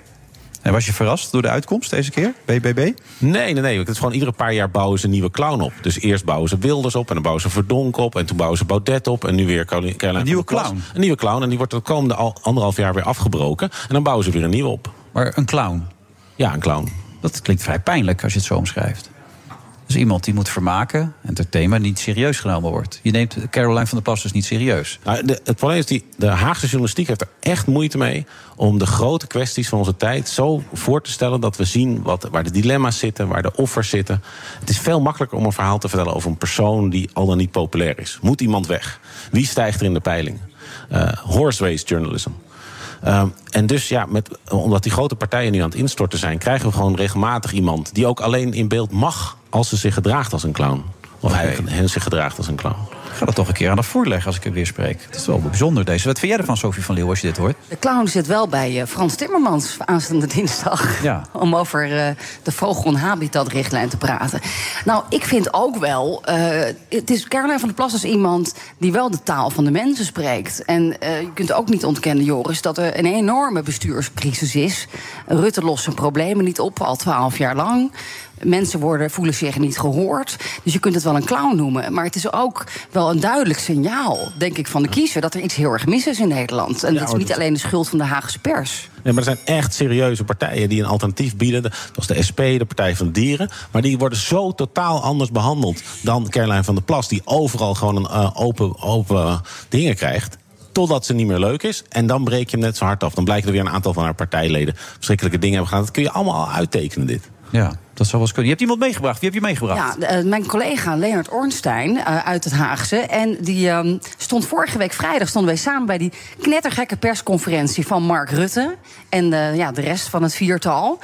Jij was er ook bij, Leo? Ja, het was een bizar moment. Want ja, alles ging eigenlijk precies zoals Rutte wilde. Totdat jij die ene vraag stelde. Bent u uitgeregeerd, meneer Rutte? En daar schrok hij echt wel heel erg van. En toen zei hij, nee, natuurlijk ben ik niet uitgegeerd. Het gaat, gaat leuker dan ooit. Hij zei, ik heb nog nooit zoveel energie, energie gehad, gehad, Na een vergadering, een marathonvergadering... waar ze nog steeds niet uit zijn trouwens, met het kabinet. En toen riep hij, Sigrid... En, en toen uh, ja, liep hij weg. Was diezelfde persconferentie waarin hij ging versnellen, toch? Met het stikstof. Versnellen. En, ja. en uh, ja, we mogen het geen pauzeknop noemen, maar uh, openbreken eigenlijk. Het regeerakkoord. Ja, het was de aanval is de beste verdediging. Zeggen we, ah, we gaan die stikstoffen aanpakken, eventjes uh, ja, wat harder aanpakken. Je zag al gelijk dat dat heel lastig voor hem zou worden. En dat hij het daar niet mee uh, zou gaan trekken. Ja, en deze week was een herhaling van wat in het boek Functie Elders staat. Uh, het zoveelste hoofdstuk in van we zijn uitgeregeerd. Ja, je noemt hem Leo, dus je zijn goed bevriend. Maak je hieruit op? Ja, we zitten dus, ja, wij staan er ja. dan uren te wachten op uh, ja, de prime minister. En dan krijg je ook wel een soort band van... we gaan ze vallen, gaat het klappen, wat is hier aan de hand? En toevallig, uh, vorige week was het, heb jij de functie elders... Uh, uh, gepresenteerd. Jouw boek met Bart Maat, de fotograaf van ja, de foto. Die de bewuste foto maakt. Die de crisis heeft veroorzaakt, waar we eigenlijk nog steeds in zitten. Dus dat ettert door. En ik las jouw boek vandaag nog weer. En, en dan alles wat er toen is gebeurd twee jaar geleden. Dat is eigenlijk precies wat je, wat je nu weer ziet deze week in Den Haag. Gewoon een heel erg slecht huwelijk. Het is zeg ik dat goed? Ja, ik denk dat je het daarmee heel aardig uh, samenvat. Het is een ja, een huwelijk wat gedwongen is om weer verder te gaan. En waarvan je denkt, waarom doe je dat nou? Je staat als het ware met je rug naar de maatschappij. Um, je hebt er niet echt meer zin in. Uh, maar ja. Ho, ho, ho. Zojuist heb ik gehoord dat hij er heel veel zin ja, in heeft. Ja, hij heeft er wel zin in, maar je merkt ook wel dat het toch een beetje gedwongen is. Dat ze, het, ja, wat zij dan noemen, gevoel voor verantwoordelijkheid hebben. Um, ja, er, er mist iets van elan, er mist iets van... Nou, dat is een understatement. Maar wat ik het toppunt Ja. vind, is dat de CDA dus al heeft aangekondigd... om straks nog andere dingen te willen dan ze nu heeft eh, aangegeven. Namelijk dat, dat 2030, dat is niet heilig meer voor ze. Maar dat gaan ze nu nog niet op de strepen staan, dat gaan ze pas straks doen. Het is eigenlijk niet dat je tegen je vrouw zegt... van over een tijdje ga ik toch wel bij je weg. Dus wat, wat, wat is dit voor iets geks? Ja, als ze door willen gaan, als er een wil is, een politieke wil, ja, dan moet het altijd kunnen lukken. Maar de grote vraag is of die wil er nog wel is. Het CDA zie je heel duidelijk op dit moment dat ze het gevoel hebben van. eh, ja, wat moeten we in deze coalitie? We zijn bijna gedecimeerd. Ehm, wij hebben er weinig gevoel meer mee. D66 aan de andere kant weet dat ze heel erg in het defensief zullen komen. Dat het heel erg lastig wordt. Dat zij als het ware in de mangel zitten in dit kabinet. Ja. Van links of van rechts uit. Ja, het is eigenlijk een stel dat niet het huis uit kan... omdat de hypotheek is te hoog. Ze kunnen zelf niet allebei een eigen huis financieren. Dus ze blijven maar zitten in het huis. Dat is eigenlijk een beetje het gevoel. Ja, want het worden enorme verkiezingsnederlagen als ze, als ze zo eh, straks eh, er nieuwe verkiezingen gaan komen. Eigenlijk is het aftellen wel begonnen voor deze coalitie. Het aftellen naar het moment nul waarbij het gaat klappen. En wanneer is dat ongeveer, dat moment nul? Ik denk, wat denk jij? Ik denk ergens eh, voor de zomer, toch? Nou, Ik heb nog steeds een fles wijn ingezet. Dat ze gewoon gaan proberen dat huwelijk zo lang mogelijk te rekken. En, eh, en dat ze toch wel even een jaartje uit gaan zingen. Ja, het is wel afgelopen voor Rutte, hè, als, het, als het klapt. Want dan weet hij, dan kan ik niet nog een keer premier worden. Dus hij zal nog wel proberen misschien om het te redden. Maar ik heb bij het CDA het gevoel van ja, we willen niet verder. ChristenUnie laat het een beetje in het midden. D66, ja, die staan wel heel erg op verlies. Ze zijn gewoon heel erg bang om hun zeteltjes te verliezen. En nu hebben ze Ik heb nog het gevoel macht. dat er twee mensen ergens zitten te praten... en dat wij er gewoon een beetje bij zitten. Maar het gekke is dus van het boek ook Functie Elders... dat eigenlijk dus ook toen al, twee jaar geleden ging het al over... we moeten de problemen van de burger oplossen. En precies waar we het nu weer over hebben. En er is eigenlijk niks gelukt. Maar ja, goed, ik hoor je- Joris net al zeggen... we hebben nu een clown en die wordt weer vervangen door de volgende clown. Het spel herhaalt zich natuurlijk ook steeds. En hoe kan je dat doorbreken, dat spel dan, in jouw ogen? Ja, het is echt interessant. Als je het vergel- vergelijkt met Groot-Brittannië, die hebben dan eigenlijk een tweepartijenstelsel. Dus dan kan je direct een alternatief. Dus voor al het beleid kan je direct naar de Labour schaduwminister. En kan je zeggen, wat zouden jullie doen? En dan kan je dus nog een soort van inhoudelijk gesprek houden over wat voor land wil je eigenlijk zijn. Terwijl. Ik hoor gewoon totaal niet dat gesprek. Alleen maar van welk poppetje mag op welke plek. En welk poppetje gaat misschien met welk ander poppetje. En welke partij en welke peiling. Dus het is politici journalistiek. Het is niet politieke journalistiek. Heel veel macht zit ook niet bij politici, maar bij ambtenaren en bij, bij Europa. Deze week kwam naar buiten over het water. Hè? Dat we in 2030 gaan we een gigantische watercrisis hebben. Nou, dat, dat dacht ik, ja, tien jaar geleden zeiden ze dat over stikstof. Ja. En we, hebben gewoon, we zijn er niet in geslaagd om op dit moment al nu te gaan praten over water, wat er moet gebeuren. Want het is niet spannend, het is niet sexy, het gaat niet over personen. En over tien jaar zitten we precies als met water waar we nu met stikstof zitten. Maar hoe gaat die watercrisis eruit zien? Tekort of te veel? Wat is het moment dan? Wat Te- dan tekort te- aan, de, aan drinkwater. Ja, maar je hoort ook allerlei vragen over de, st- de st- stijging van de zeespiegel... dat we er ook weer mee, problemen mee En krijgen. wat ik, wat ik bedoel is dat, dat eh, we hebben nu een systeem waarin de problemen pas kunnen worden aangepakt als ze eigenlijk onbeheersbaar zijn Ja, geworden. als al zo Terwijl je hebt juist democratie om veel vroeger in dat traject al te gaan zeggen wat gaan we doen. En dat lukt steeds slechter. Regeren is vooruitzien. Maar hebben we daarvoor andere politici nodig? Nieuwe politici? Politici die wel zo erin staan? Maar ja, ik denk eigenlijk om even de analogie van Joris te nemen. We moeten eigenlijk gaan kijken of er niet echt tijd wordt voor een nieuwe generatie van mensen die ja, problemen aan willen pakken. Die eh, ja, bijvoorbeeld klimaat of eh, stikstof zeggen van nou, we gaan dit op een hele nieuwe. Die daar een plan, een idee voor hebben. Wat zijn bijvoorbeeld de plannen van Caroline? Die zat onlangs bij ons en ik heb wel drie keer gevraagd naar oplossingen... maar die heb ik niet gekregen die avond. Ja, dat is dus waar op het ogenblik iedereen aan zit te denken. Van Caroline, je stelt goede vragen. Je doet het heel leuk in het parlement. Eh, eh, Toen je die one-man of one-women show al die tijd deed. Maar wat is nou eigenlijk je, nu je nieuwe idee, je nieuwe visie? En Was daar, het een eh, idee geweest om haar dit voor de verkiezingen voor te leggen? Zodat mensen hadden kunnen zien dat ze die oplossingen Maar niet heeft. Joris, dat is Ja, maar het grappige, maar in die uitzending, die betreffende uitzending, heb ik het drie of vier keer gevraagd. Maar wat zijn dan de oplossingen? En dat- die kwamen er gewoon niet. Dus waarom lukt het ons als media niet om zo iemand dan zeg maar terug te brengen tot de plek die ze moet hebben? Nou, misschien een zeteltje. Waarom wordt zo iemand zo groot? Nou, dat... het een coalitieland is, dat, is- dat maakt het ook heel lastig. Dat het nooit één partij, maar dat is het verschil natuurlijk met Engeland. Dan kan één partij, Labour staat nu geloof ik heel erg goed. En die kunnen dan zeggen, nou, we gaan het allemaal helemaal anders doen. En dat is natuurlijk nu het lastige in Nederland. Dat je dat, ja, straks eh, weet ik welke partij, eh, misschien de linkse coalitie... de grootste met z'n tweeën wordt. Maar echt hun zin, hun wil, hun idee doordrukken... dat wordt heel moeilijk, omdat ze elke keer water bij de wijn moeten doen. Maar ook een partij als Volt, die dan nieuw is, zo'n beetje. Komen die wel met oplossingen? Komen die wel met ideeën? Vorige week hadden we de voorman hier natuurlijk.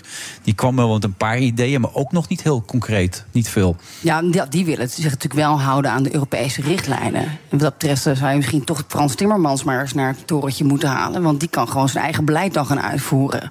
Dus ik denk wel. Hè, en je kunt natuurlijk in Den Haag ook over links. Ik bedoel, Rutte kan over links als hij dat echt zou willen. Alleen wil het CDA het niet. Maar waar, wat Nederland echt nu wil, is een, een, ja, een, een leider die met een idee komt. Met inderdaad, wat Joris ook wel zegt, met een visie komt. Het is natuurlijk een beetje cliché.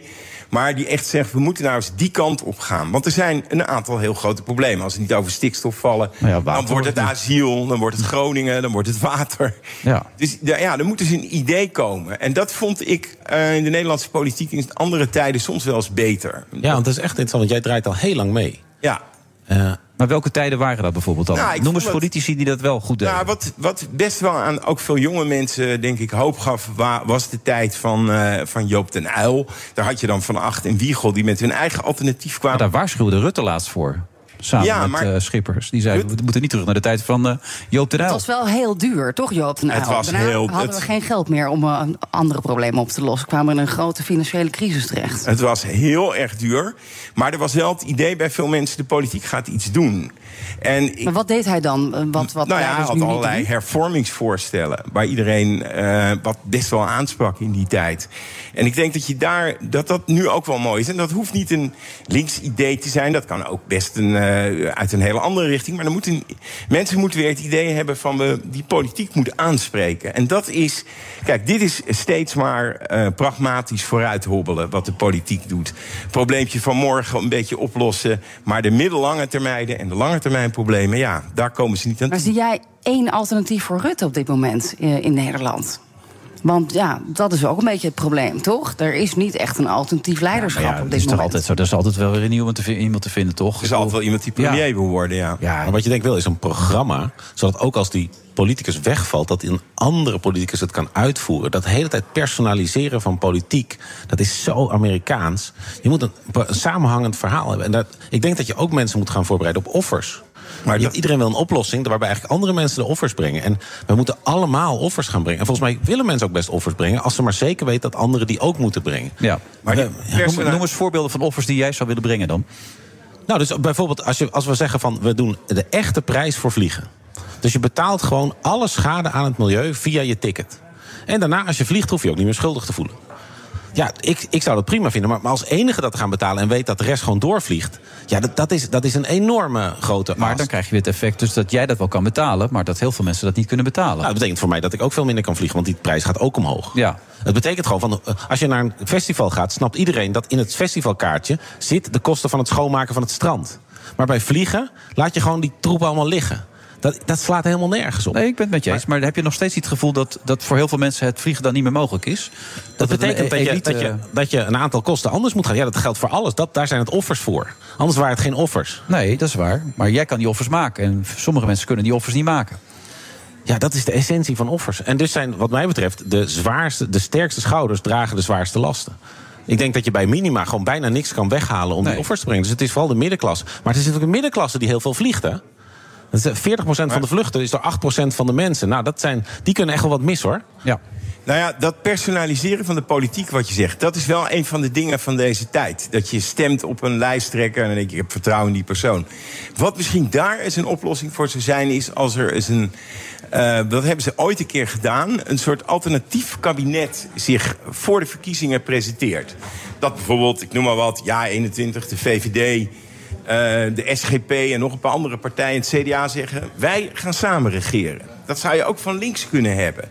En dat zou eigenlijk heel mooi zijn. En dan zou zo'n kabinet, of zo'n schaduwkabinet heette het toen... die zou kunnen zeggen, nou, we gaan over rechts dit doen... of we gaan over links dit doen. Maar neem nou bijvoorbeeld het voorstel van Caroline van der Plas. Die spraken we ook deze week. Die wil een zakenkabinet. Die wil gewoon deskundige ministers zelf in de Tweede Kamer blijven zitten. En Pieter Omzicht als premier. Ja, dat Nou, heeft- is toch best een leuk idee? Dat heeft ze van Pim Fortuyn, die zei dat dus ook in de tijd. Het punt is alleen, een zaakkabinet doe je in heel apolitieke tijden. En je moet toch ook als kiezer een politieke keus kunnen maken. Je moet kunnen zeggen, nee, ik wil over links of ik wil over rechts. Ja, maar we, we willen toch juist over de inhoud. Dat, dat zeggen we hier net. Beleid aan tafel. We moeten gewoon een visie hebben. En dat moet problemen oplossen, zoals droogte, Ja, maar- woningnood. Dus het moet gaan over de inhoud, niet over politiek. Een zakenkabinet wordt heel gauw een beleidskabinet. Dus dat worden allemaal ambtenaren die gaan uitleggen van... we moeten dit en dit en dit uitvoeren, want anders gaat het mis. Nee, je moet ook echt politieke keuzes durven maken. En dat, dat ben ik wel met Joris eens, dat je dat in Engeland... of ook in Frankrijk bijvoorbeeld, wel meer kiest tussen... ja, ik ga die richting op of die Maar dat heeft met richting het stelsel ook te maken. En dat, dat kunnen wij niet omgooien. Nou ja, wat wel kan is dus als een aantal partijen... en we hebben er nou, geloof ik, 19 eh, partijen... meer met elkaar gaan samenwerken en voor de verkiezingen zeggen... Hè, Volt, D66, PvdA, eh misschien D66... maar ook aan de andere kant JA21, SGP, noem maar op, CDA... gaan zeggen, nee, wij staan hiervoor. Dat hebben we deze week wel gezien. Een verenigde oppositie. Dat was heel bijzonder, Dat toch, was Leonard? inderdaad heel uniek. En dat was ook wel weer een beetje raar eh, om eh, de PVV met GroenLinks te zien. Was, maar het was wel duidelijk, de afkeer van de coalitie is heel groot. Ik vergat trouwens, Forum voor Democratie en PVV kunnen natuurlijk ook in zo'n eh, schaduwkabinet als ze dat willen. Maar nu zijn die politici veel te veel met zichzelf bezig. Veel te weinig met het programma. Veel te weinig zeggen, we gaan hier of daar naartoe. Maar het klinkt heel logisch wat er aan deze tafel gezegd wordt. Maar het gaat niet gebeuren als ik het zo hoor de komende tijd. Er gaat niet veel veranderen. En hoe, Ja, hoe wij kan dat moeten- veranderen dan? Hoe Ja, we moeten ook blijven durven nadenken over nieuwe perspectieven. En niet alleen maar vast Nee, blijven zitten. Dat ben ik met je eens. Maar wie gaat dat op gang brengen? Wie- Daar, daar zul je dus nieuwe bezems voor nodig hebben. Nieuwe politici. Zit dat erin? Jullie zitten, lopen er altijd rond. Jullie kunnen dat inschatten. Nou, het leuke is van deze tijd is wel dat het speelveld open ligt. Er kan van alles gebeuren. We weten niet hoe lang Rutte zit. Ja. Of, of dat het zijn laatste jaren zijn of zijn laatste jaar. En dan, ja, dan kun je. dan- Je hebt natuurlijk dus. Hè, Ben jij hoopvol gestemd, Joris? Nou, over veranderingen gesproken. Of denk jij dat we nog een langere tijd hier zullen blijven ronddraaien? Nou ja, ik ben er nu aan een paar jaar gaan we een ongelofelijke orkaan aan net nepnieuws krijgen als, dat deep, als die deepfakes gaan werken. Ja. En dan komt er volgens mij echte informatiechaos. Echte informatiechaos. Je kan dan. Nog meer dan nu al, eigenlijk al, ja. Nou, je kan dan gewoon een, een filmpje maken waarin je gewoon iedere persoon die je maar wil, alles kan laten zeggen. En dat het wereld insturen als kijk eens wat hij heeft gezegd. Zag je John de Wolf die vanmiddag de Tweede ja, ja, Kamer de Tweede? Kamer. Ja, dat zag ik ook al. Ja, nu, is het nog, nu is het ingemonteerd. nog grappig. Maar dadelijk zien we een, een, een, een, Keihard. toes- een toespraakje waarin, waarin Hitler zegt eh, dat hij samen met eh, weet ik veel wat. Wie, ja, dat, je kan alles gaan vervalsen. Ja. Dat is binnen nu en vijf jaar. Maar je zegt sowieso, deze tijd is een tijd waarin zoveel verandert op dit moment. Het momentum is daar om ook überhaupt bewuster te worden over heel veel zaken, toch? Ja, ja, ik, ja het is wel een heel interessante tijd. Er was een tijd dat eh, in België, als je dus echt je slecht had gedragen in de journalistiek, dan moest je naar Den Haag. Dat was het allersaaiste in heel Europa. en toen hebben we commerciële media gekregen. En eh, ja, binnen 15 jaar werd het heel spannend in Den Haag. Want het was helemaal niet meer interessant om daar echt op een inhoud te hebben. Je moest gewoon een beetje gaan. Maar hoe is dat voor jou dan? Je loopt nu al zo lang mee, Leonard. Hoe, hoe is dat voor jou dan? Ja, ik, Is het frustrerend? Is het nog leuk? Ja, het Raakt het je nog? Ja, het raakt me zeker. Ik vind het eh, leuk. Ik zie wel allerlei processen zich herhalen. Maar ik snak ook wel naar wat ik net zei... dat er nou eens een keer... dat men uit die geëigende paden stapt... weer eens iets nieuws probeert... weer zegt van we gaan eh, ja, er een nieuwe dimensie aan geven. Ja, maar de clown wordt straks weer vervangen door een andere clown, hoor ik Joris zeggen. Maar ja, de politiek is eigenlijk sinds 1975 of zo theater. In Nederland met Van Acht, met Wiegel. In Amerika begon het met Reagan. Eh, politiek is altijd een beetje theater. Maar we moeten weer, misschien toch weer iets meer terug naar de inhoud. Hmm. Want de problemen zijn, eh, zijn ook wel echt heel groot. Maar vandaar mijn vraag ook, zijn er politici die dat kunnen oppakken? Die die handschoen kunnen oppakken, dat aan zullen kunnen? Nou ja, ik heb alle hoop op een, eh, toch wel op een nieuwe generatie. En jij? Maar noem maar eens een paar. Noem eens een paar van die nieuwe generatie die dat wel in zich hebben. Nou, ik zie bij, eh, bij de PvdA zie ik mensen. Ik zie bij Volt mensen. Ik zie bij Ja21 mensen. Ik zie echt wel mensen die zeggen van... laten we eens die oude, oude hap van de politiek vervangen... en laten we eens nieuwe, ja, nieuwe initiatieven. D66 heeft ook een paar leuke nieuwe generatie mensen. En die partij van Pieter Omtzigt, komt die nog van de grond? Nou ja, dat is dus waar, wat iedereen denkt. Dat je dus een eh, Pieter Omzicht premier zou kunnen worden. Dat hoor je wel in Den Haag. Je hoort het ook. Caroline van der Plas heeft gezegd... nou, ik sluit het eh, nooit helemaal uit. Ja, ik denk dat dat... ehm, dat het ook wel eens helemaal zo kan lopen dat die bestaande partijen eigenlijk het niet redden. En dat er opeens twee mensen omzicht en eh, van der plas met opeens een meerderheid krijgen en een nieuwe. Maar dan moeten ze wel een programma en een idee hebben. En daar ben ik nog niet van overtuigd. Nee. Nou, heel hoopvol is het nog niet tot nu toe, wat ik gehoord heb hier vanmiddag. Maar wel een leuk boek, hè? dat is ook belangrijk. Hè? Om er iets positiefs uit te halen. Dankjewel. Shelders. Van eh, Bart Maat. Dus dat moet je Met echt Bart gaan, Maat, eh, de fotograaf. Ja, Alle de grote foto's fotograaf. Van de Ja. vertrouwenscrisis van twee jaar geleden... die nog steeds niet is opgelost, helaas. Het zijn echt mooie foto's. Ja. Ja, hij is een geweldige fotograaf. Huil, Bart. huil jij makkelijk, Leonard? Of ik makkelijk huil? Ja, best wel, ja. Ook al. Er zijn veel mannen vandaag die makkelijk Ja, je, huilen. hebt- ja, je, je hebt jezelf geïsoleerd. Ik heb mezelf volledig Met je hart van steen. Wouter Hamer zal ook wel huilen, denk ik zo meteen. Nou, al was het ik hou alleen niet van de politiek, nee. Nee, vanwege het interview. Tot zo. Ik ben Sylvia van Solft. Betaalt u te veel huur of huurt u te veel kantoorruimte? Solft heeft de oplossing.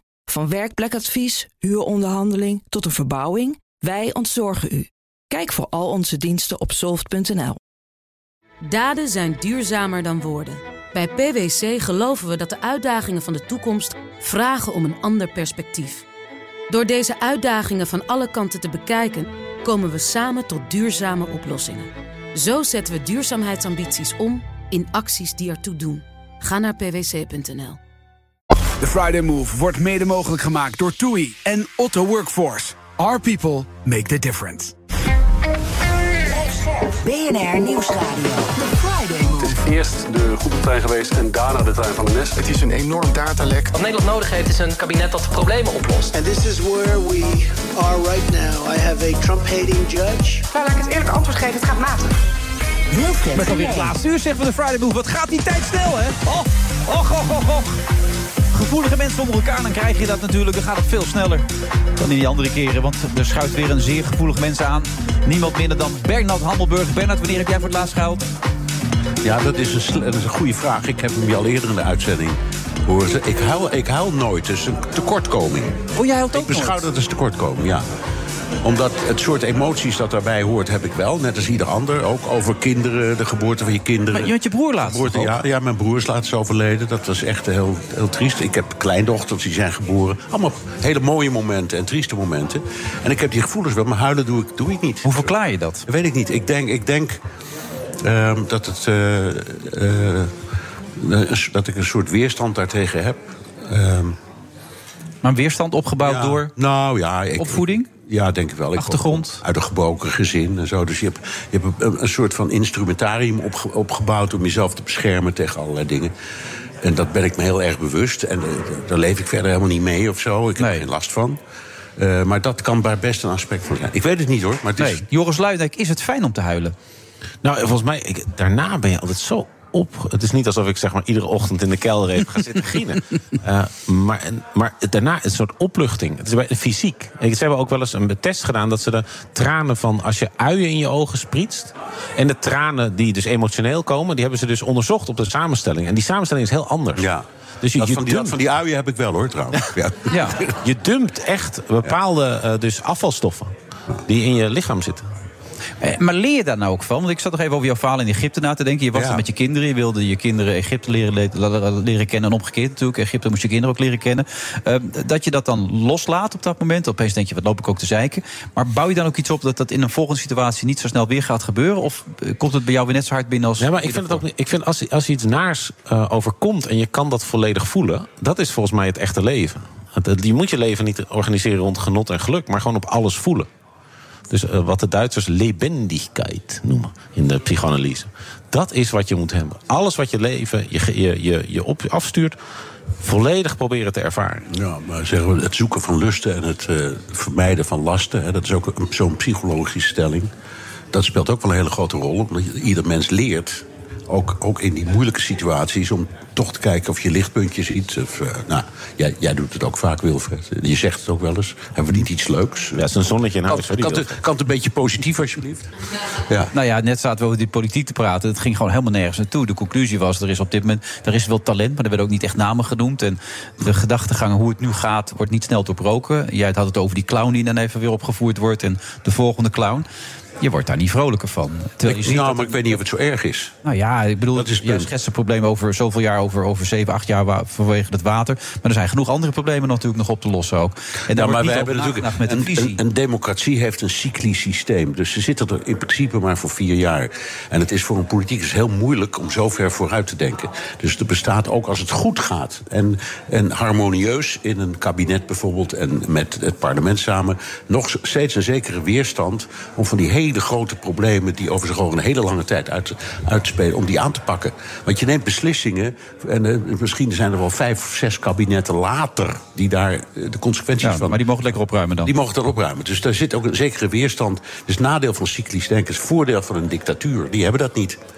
Nee, die hebben weer andere nadelen. Ja. En het voordeel van, van dus po- politieke, traditionele politieke partijen... die hebben dus wel die langetermijnvisie. Die hebben een wetenschappelijk bureau, die hebben mensen die echt lang, lange termijn nadenken. Maar in China denken ze na over de toekomst. Ja, die hebben zeker. een lange termijnvisie. Ja, ja dat hebben ze ook altijd gedaan. Ze kan hebben- niemand eh, tegen de dictator zeggen dat het niet werkt. Dus die informatie stroomt niet naar boven. Nee, nou ja, dat, dat is waar. Maar de- in, dat, in China werkt het. eh, Ja, toen, de, toen corona begon, toen waren we allemaal ehm, verbaasd, verbijsterd, bewonderend. Toen China in zes dagen een compleet werkend ziekenhuis bouwde. Ja. Om, om patiënten te zeggen, nou, potverdorie, zie je, als je wil, dan kan het.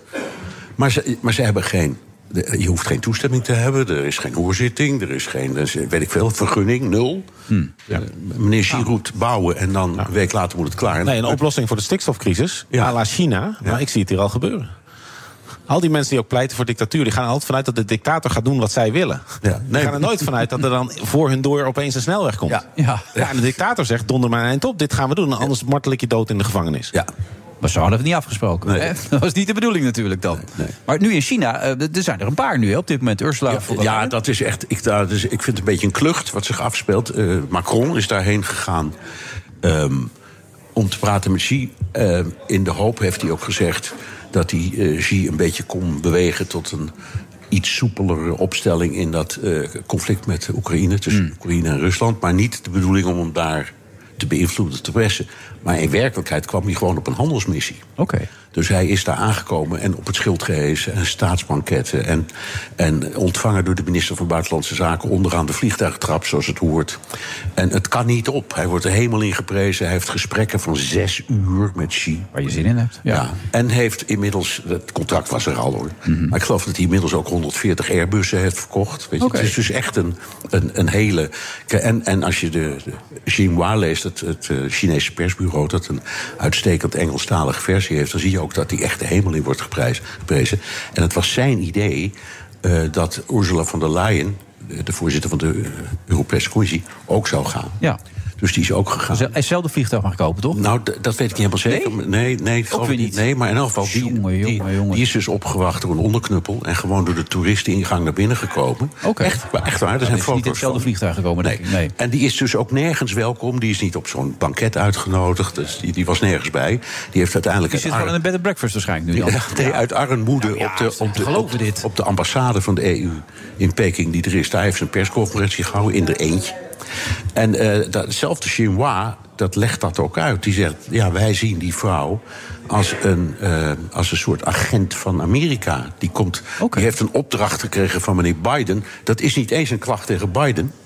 Maar gewoon, ja, die, die vrouw die, die laat zich misbruiken om, Hmm. om keiharde standpunten. Dat doet, heeft ze ook te, te- over China te, te verspreiden.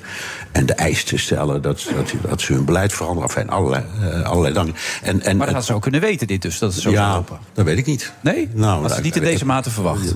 Ik, ik denk niet dat ze dit had verwacht. En, en Macron, die, die heeft er ook nog een beentje gelicht. Want die heeft in een van zijn toespraakjes naast Xi ook gezegd dat hij het heel belangrijk vindt dat de relatie tussen China en Europa gezond is. Want hè, er zijn ook, los van alle politieke strubbelingen natuurlijk, die, die, die economieën zijn tot, die zitten tot in elkaars haarvaten. Hè. Er staat in, in, in China, ik word geloof ik meer dan de helft van alle Volkswagens die er worden geproduceerd, worden in China geproduceerd.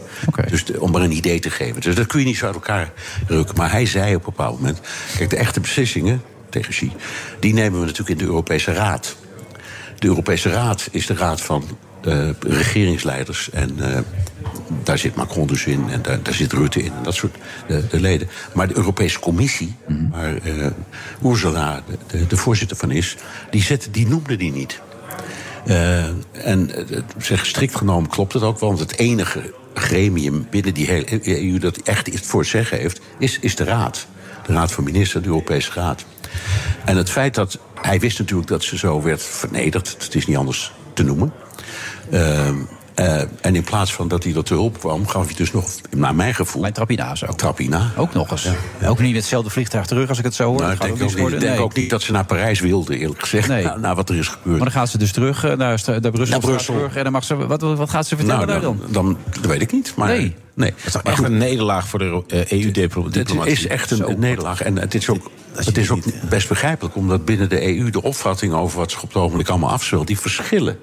De Fransen is een voorbeeld. Die zeggen: ja, we kunnen wel allemaal problemen hebben met dat opkomende China. Maar je moet ook gewoon handel blijven drijven. En proberen elkaar te vinden op punten waar je wel kunt doen. Verkoop Airbussen in plaats van Boeings. Hè. De, Helemaal niet gek bedacht. Maar wat is de visie dan eigenlijk van China op lange termijn? Probeer hem even die lijn door te trekken die we net insluiten. Jawel, nou ja, dat is, kijk, China, de Chinezen hebben iets wat wij niet, wat wij niet kennen. worden? Nee, maar die hebben geduld. Dus die denken in periodes van 10 of 20 jaar is heel normaal in hun beleid. Wat ze willen is ehm, globaal een veel beter functionerend handelsnet. Mhm. Dus dat Belt and Road Initiative, dus wat ze ook vaak eh, de, de, de, de, de zijderoute noemen. Dat is niet alleen maar politiek, dat is vooral zodat ze hun eigen eh, producten via hun eigen supply lines kunnen afzetten. Dus dat loopt van Shanghai tot Rotterdam. Eh, dat is het idee. Ja. En dat, nou, heel veel mensen roepen nu... ja, maar dat is eigenlijk het, het, het veroveren van politieke macht. Ik denk niet dat dat hun beleid is. Politiek willen ze wel ook macht. Dat hebben ze in het verleden nooit gewild. Ze hebben zich nooit be- bemoeid met het buitenland. Iedereen was eh, stom verbaasd dat een maand geleden of zo plotseling bleek... dat Iran en Saudi-Arabië hun geschil hebben bijgelegd onder leiding van Xi Jinping. Die, heeft, die heeft bemiddeld. Dat was ondenkbaar een tijd geleden. Vertel die China zoiets Ja. ooit zou doen. Dus ze willen politiek erkend worden. En het belangrijkste is economisch en militair. Eh, Economisch zijn ze al nummer twee. En militair zijn ze hard op weg om eh, echt een krijgsmacht van omvang eh, te, te creëren. Het is nog lang geen Amerika, maar het is wel goed. En tegenwoordig kunnen ze ook gewoon zelf gevechtsvliegtuigen maken... en zelf vliegtuigschepen. Eh, dus het is, het is een land in de opkomst en hun redenering is altijd... het is afgelopen met de unipolaire wereld. Dus één wereldmacht, namelijk de Verenigde Staten. Het is nu een multipolaire wereldmacht. hè. Een multipolaire wereld waarin wij een gelijke rol spelen als... Zit er nog iets van een minderwaardigheidsgevoel bij? Of, of is dat helemaal verdwenen? Maar, maar Bernard, wat je eigenlijk altijd ziet bij dictaturen... is dat ze er veel beter uitzien van buiten dan van binnen. Omdat het dus zo ontzettend moeilijk is voor mensen in een dictatuur... om de leider te vertellen wat hij moet horen, maar waar. niet wil horen. Dat is waar, maar er staat één ding tegenover. Dat in eh, China, er is vi- vi- 4000 jaar geschiedenis, zeg maar, globaal. Daar, daar hebben ze nog nooit een dag vrijheid gekend. Dus niemand weet wat het echt is. Ehm, en ze hebben ook nooit iets gehad wat onder Xi Jinping... of eigenlijk onder Deng Xiaoping al begon, maar onder Xi Jinping zeker... namelijk een middenklasse. Dus eh, deze, deze man heeft echt, ik denk wel, 70, 80 miljoen mensen uit de bittere armoede gehaald en geparkeerd in die nieuwe middenklasse. Dat is politiek heel belangrijk. Daardoor, daardoor eh, verstomt ook bezwaar. Ja. Krijg dat- je missen. En, dat snap ik en allemaal. het zijn de belangrijkste consumenten. Dus Maar als je kijkt naar Poetin... niemand durfde Poetin te zeggen dat die invasie van Oekraïne niet ging werken. Nou ja, we niemand hebben dat ene, dat het ene clipje gezien toen iemand dat probeerde. Al die mannen die daar Ja, stonden. precies, dat en, leger, stak zijn vinger op. dat leger bleek dus heel slecht. We hebben allemaal dat Russische leger overschat. Ja. En het kan het niet dat in China op eenzelfde manier... niemand durft te zeggen dat het leger eigenlijk veel minder goed is. Want als je dat zegt... eh, Ehm, het, is, het is niet zo goed als eh, het Amerikaanse, maar het is wel heel goed. dat dat ook van het Russische leger. Nee, niet waar. Want als je de Russische krijgsgeschiedenis bekijkt... ehm, die hebben door de hele geschiedenis heen alleen militair, alleen maar zeepaards gehad. Nog nooit iets anders. En het enige waardoor Russen vaak kunnen winnen... is omdat ze zoveel mensen hebben en ook bereid zijn... zoveel mensen op te offeren in een gevecht. Eindeloze aanvoer van, Ja. Van mensen. En ze- ze hebben andere opvattingen, laat ik het zo zeggen... over mensenlevens dan wij. Maar even terug, als je kijkt naar de Koreaanse oorlog... Hè, toen leek alsof het zuiden zou winnen, met de Amerikanen zouden winnen. Uiteindelijk is dat omgedraaid. En hoe kwam dat? Door iets dat heette een, een human wave. Eh, dus er kwam uit China honderdduizenden mensen gewoon over de grens lopen. Soms helemaal niet eens gewapend. en die werden en masse neergeschoten, maar er bleven er voldoende over om helemaal naar Seoul te komen. Zo. En toen heeft Amerika gedreigd met een kernoorlog. Ja, precies. Dus precies zoals we nu zeggen. Oh, Poetin, hoe durf je met een kernoorlog te dreigen? Deden wij ook Nee, maar alleen maar om aan te geven dat eh, ehm, ik denk dat de Chinezen ook wat bereidwil- bereidwilligheid betreft voor hun eigen land een hoop over. Ze hebben een hoop over. Oké. Ja. We leren elke keer wat bij met Bernard. Dat is altijd zo leuk, vind ik dat. Ja, Bernard is mijn held. Ja, nou, en mijn held ook. Ik denk eigenlijk voor iedereen. Ja, daar zit hij, onze held. Ja, ja, ja. Bernard Handelburg, en Eigenlijk zou- Geef een applaus! Ja! Maar ei- ei- eigenlijk zou ik nu moeten huilen. Hè? Nou zou je moeten volschieten, ja. Ja, maar het lukt niet. Weer niet. Verdorie. Jammer. Dankjewel, Bernard.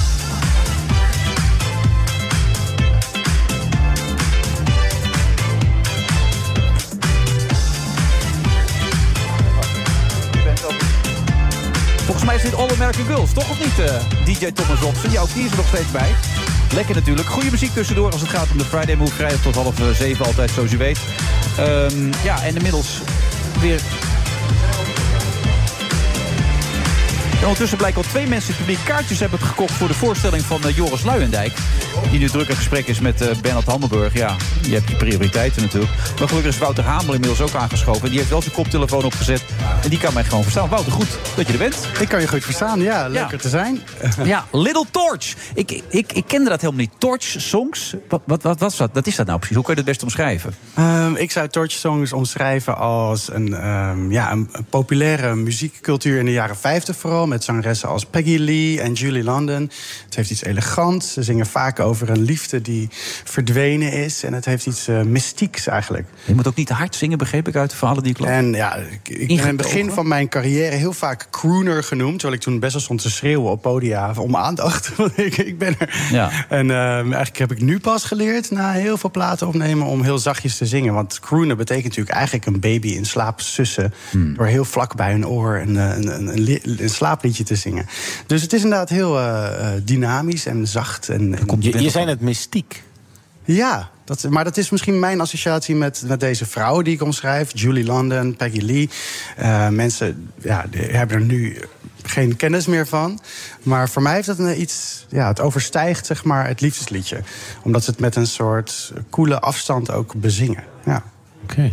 Zij, zij, kende jij Torch nummers, songs, Torch-achtige muziek? Kende jij het? Want ik, ik heb een beetje zitten inlezen, maar ik ken het ook niet echt. En, Eh, Cry Me a River was Oh een ja. enorme Ja. jaren, Ja. jaren Ja. 50 nummer 1 hit zelfs. Dat was haar grootste hit van Julie London. en je moet het ook doorleefd hebben. Je bent nu 45, geloof ik. Ja, ja, klopt. Dus nu heb je het ook doorleefd. Je hebt genoeg meegemaakt om te kunnen zeggen: ik kan het voelen. Ja, ik heb eh, vroeger eh, zang gestudeerd op het conservatorium. En daar zeiden mijn, eh, mijn oude leraren, die dan toen mijn leeftijd nu hadden...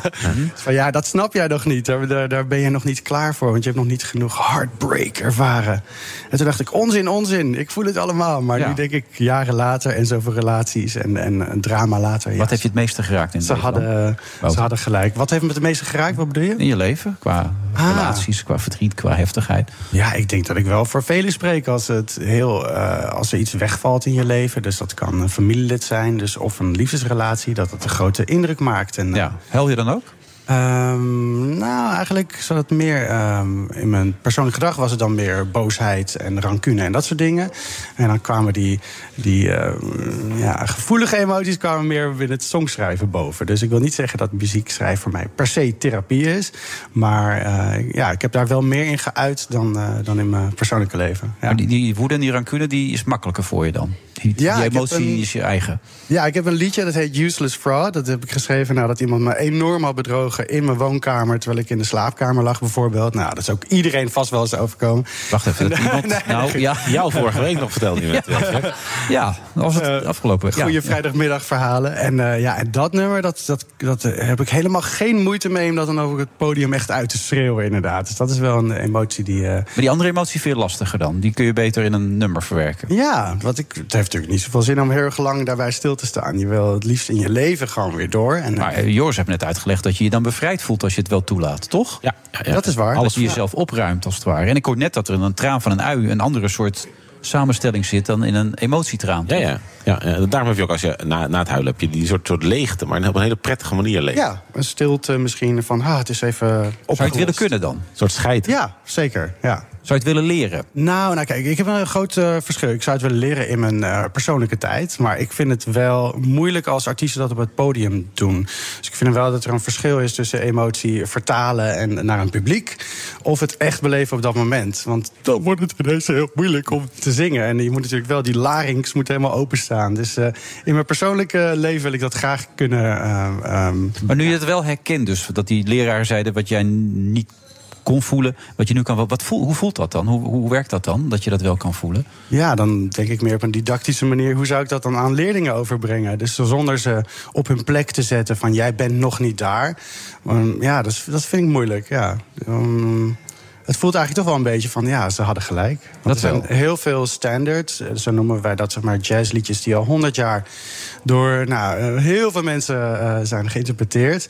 En daar zitten heel veel liedjes bij. Van de belofte van eeuwigdurende liefde. En dan de teleurstelling als dat dan niet zo is. En dan weer de angst om jezelf te laten zien aan de volgende. Want ja, die pijn ga je natuurlijk weer meemaken. En daar gaan heel veel van die liedjes over. Dus het is een, ik zou zeggen, een eeuwenoud, eh, eeuwenoude emotie of affect, zoals Bach, Bach het zou noemen. Het is een bepaald affect wat je kan inzetten. En eh, in je persoonlijk leven is dat anders dan hoe je dat als auteur of als liedjeschrijver. eh, ja. Hoe, hoe ervaart jouw vrouw dat leven met jou eigenlijk dan? Met jouw emoties? Ehm, eh, ja, dat zou je aan haar moeten vragen. Maar dat bespreek je toch wel eens met haar, neem ik? Kaan? Ja, ja, ja, maar dat ga ik hier weer niet bespreken. Maar vindt ze het lastig of vindt ze het mooi? Het, eh, nee, nee, nee zij, zij, zij heeft hiervoor ja, gekozen, denk ik. Is dat een. eh, ja, dat, dat is gewoon. Het gaat je ook geen zak aan. Je vindt dit vervelend? Is dat de sfeer? privé is privé. Nou, maar Dat ik probeer me dat gewoon te verplaatsen daarin. Nou ja, dat, dat wil ik je ook wel vertellen, maar dus aan jou. En niet ook nog aan allerlei mensen die in een, auto zitten en meeluisteren die ik nooit zie. En die, ook, die ik ook niet als het verkeerd begrijpen bij wie ik het niet kan corrigeren. Ja. ben je dan dat zo er- geworden of was je altijd zo dat je dat lastig vond? Ik vind het niet lastig. Ik, ik bewaak me mijn eh, privéleven. Nou, ik denk dat echt sommige dingen zijn gewoon niet voor massamedia.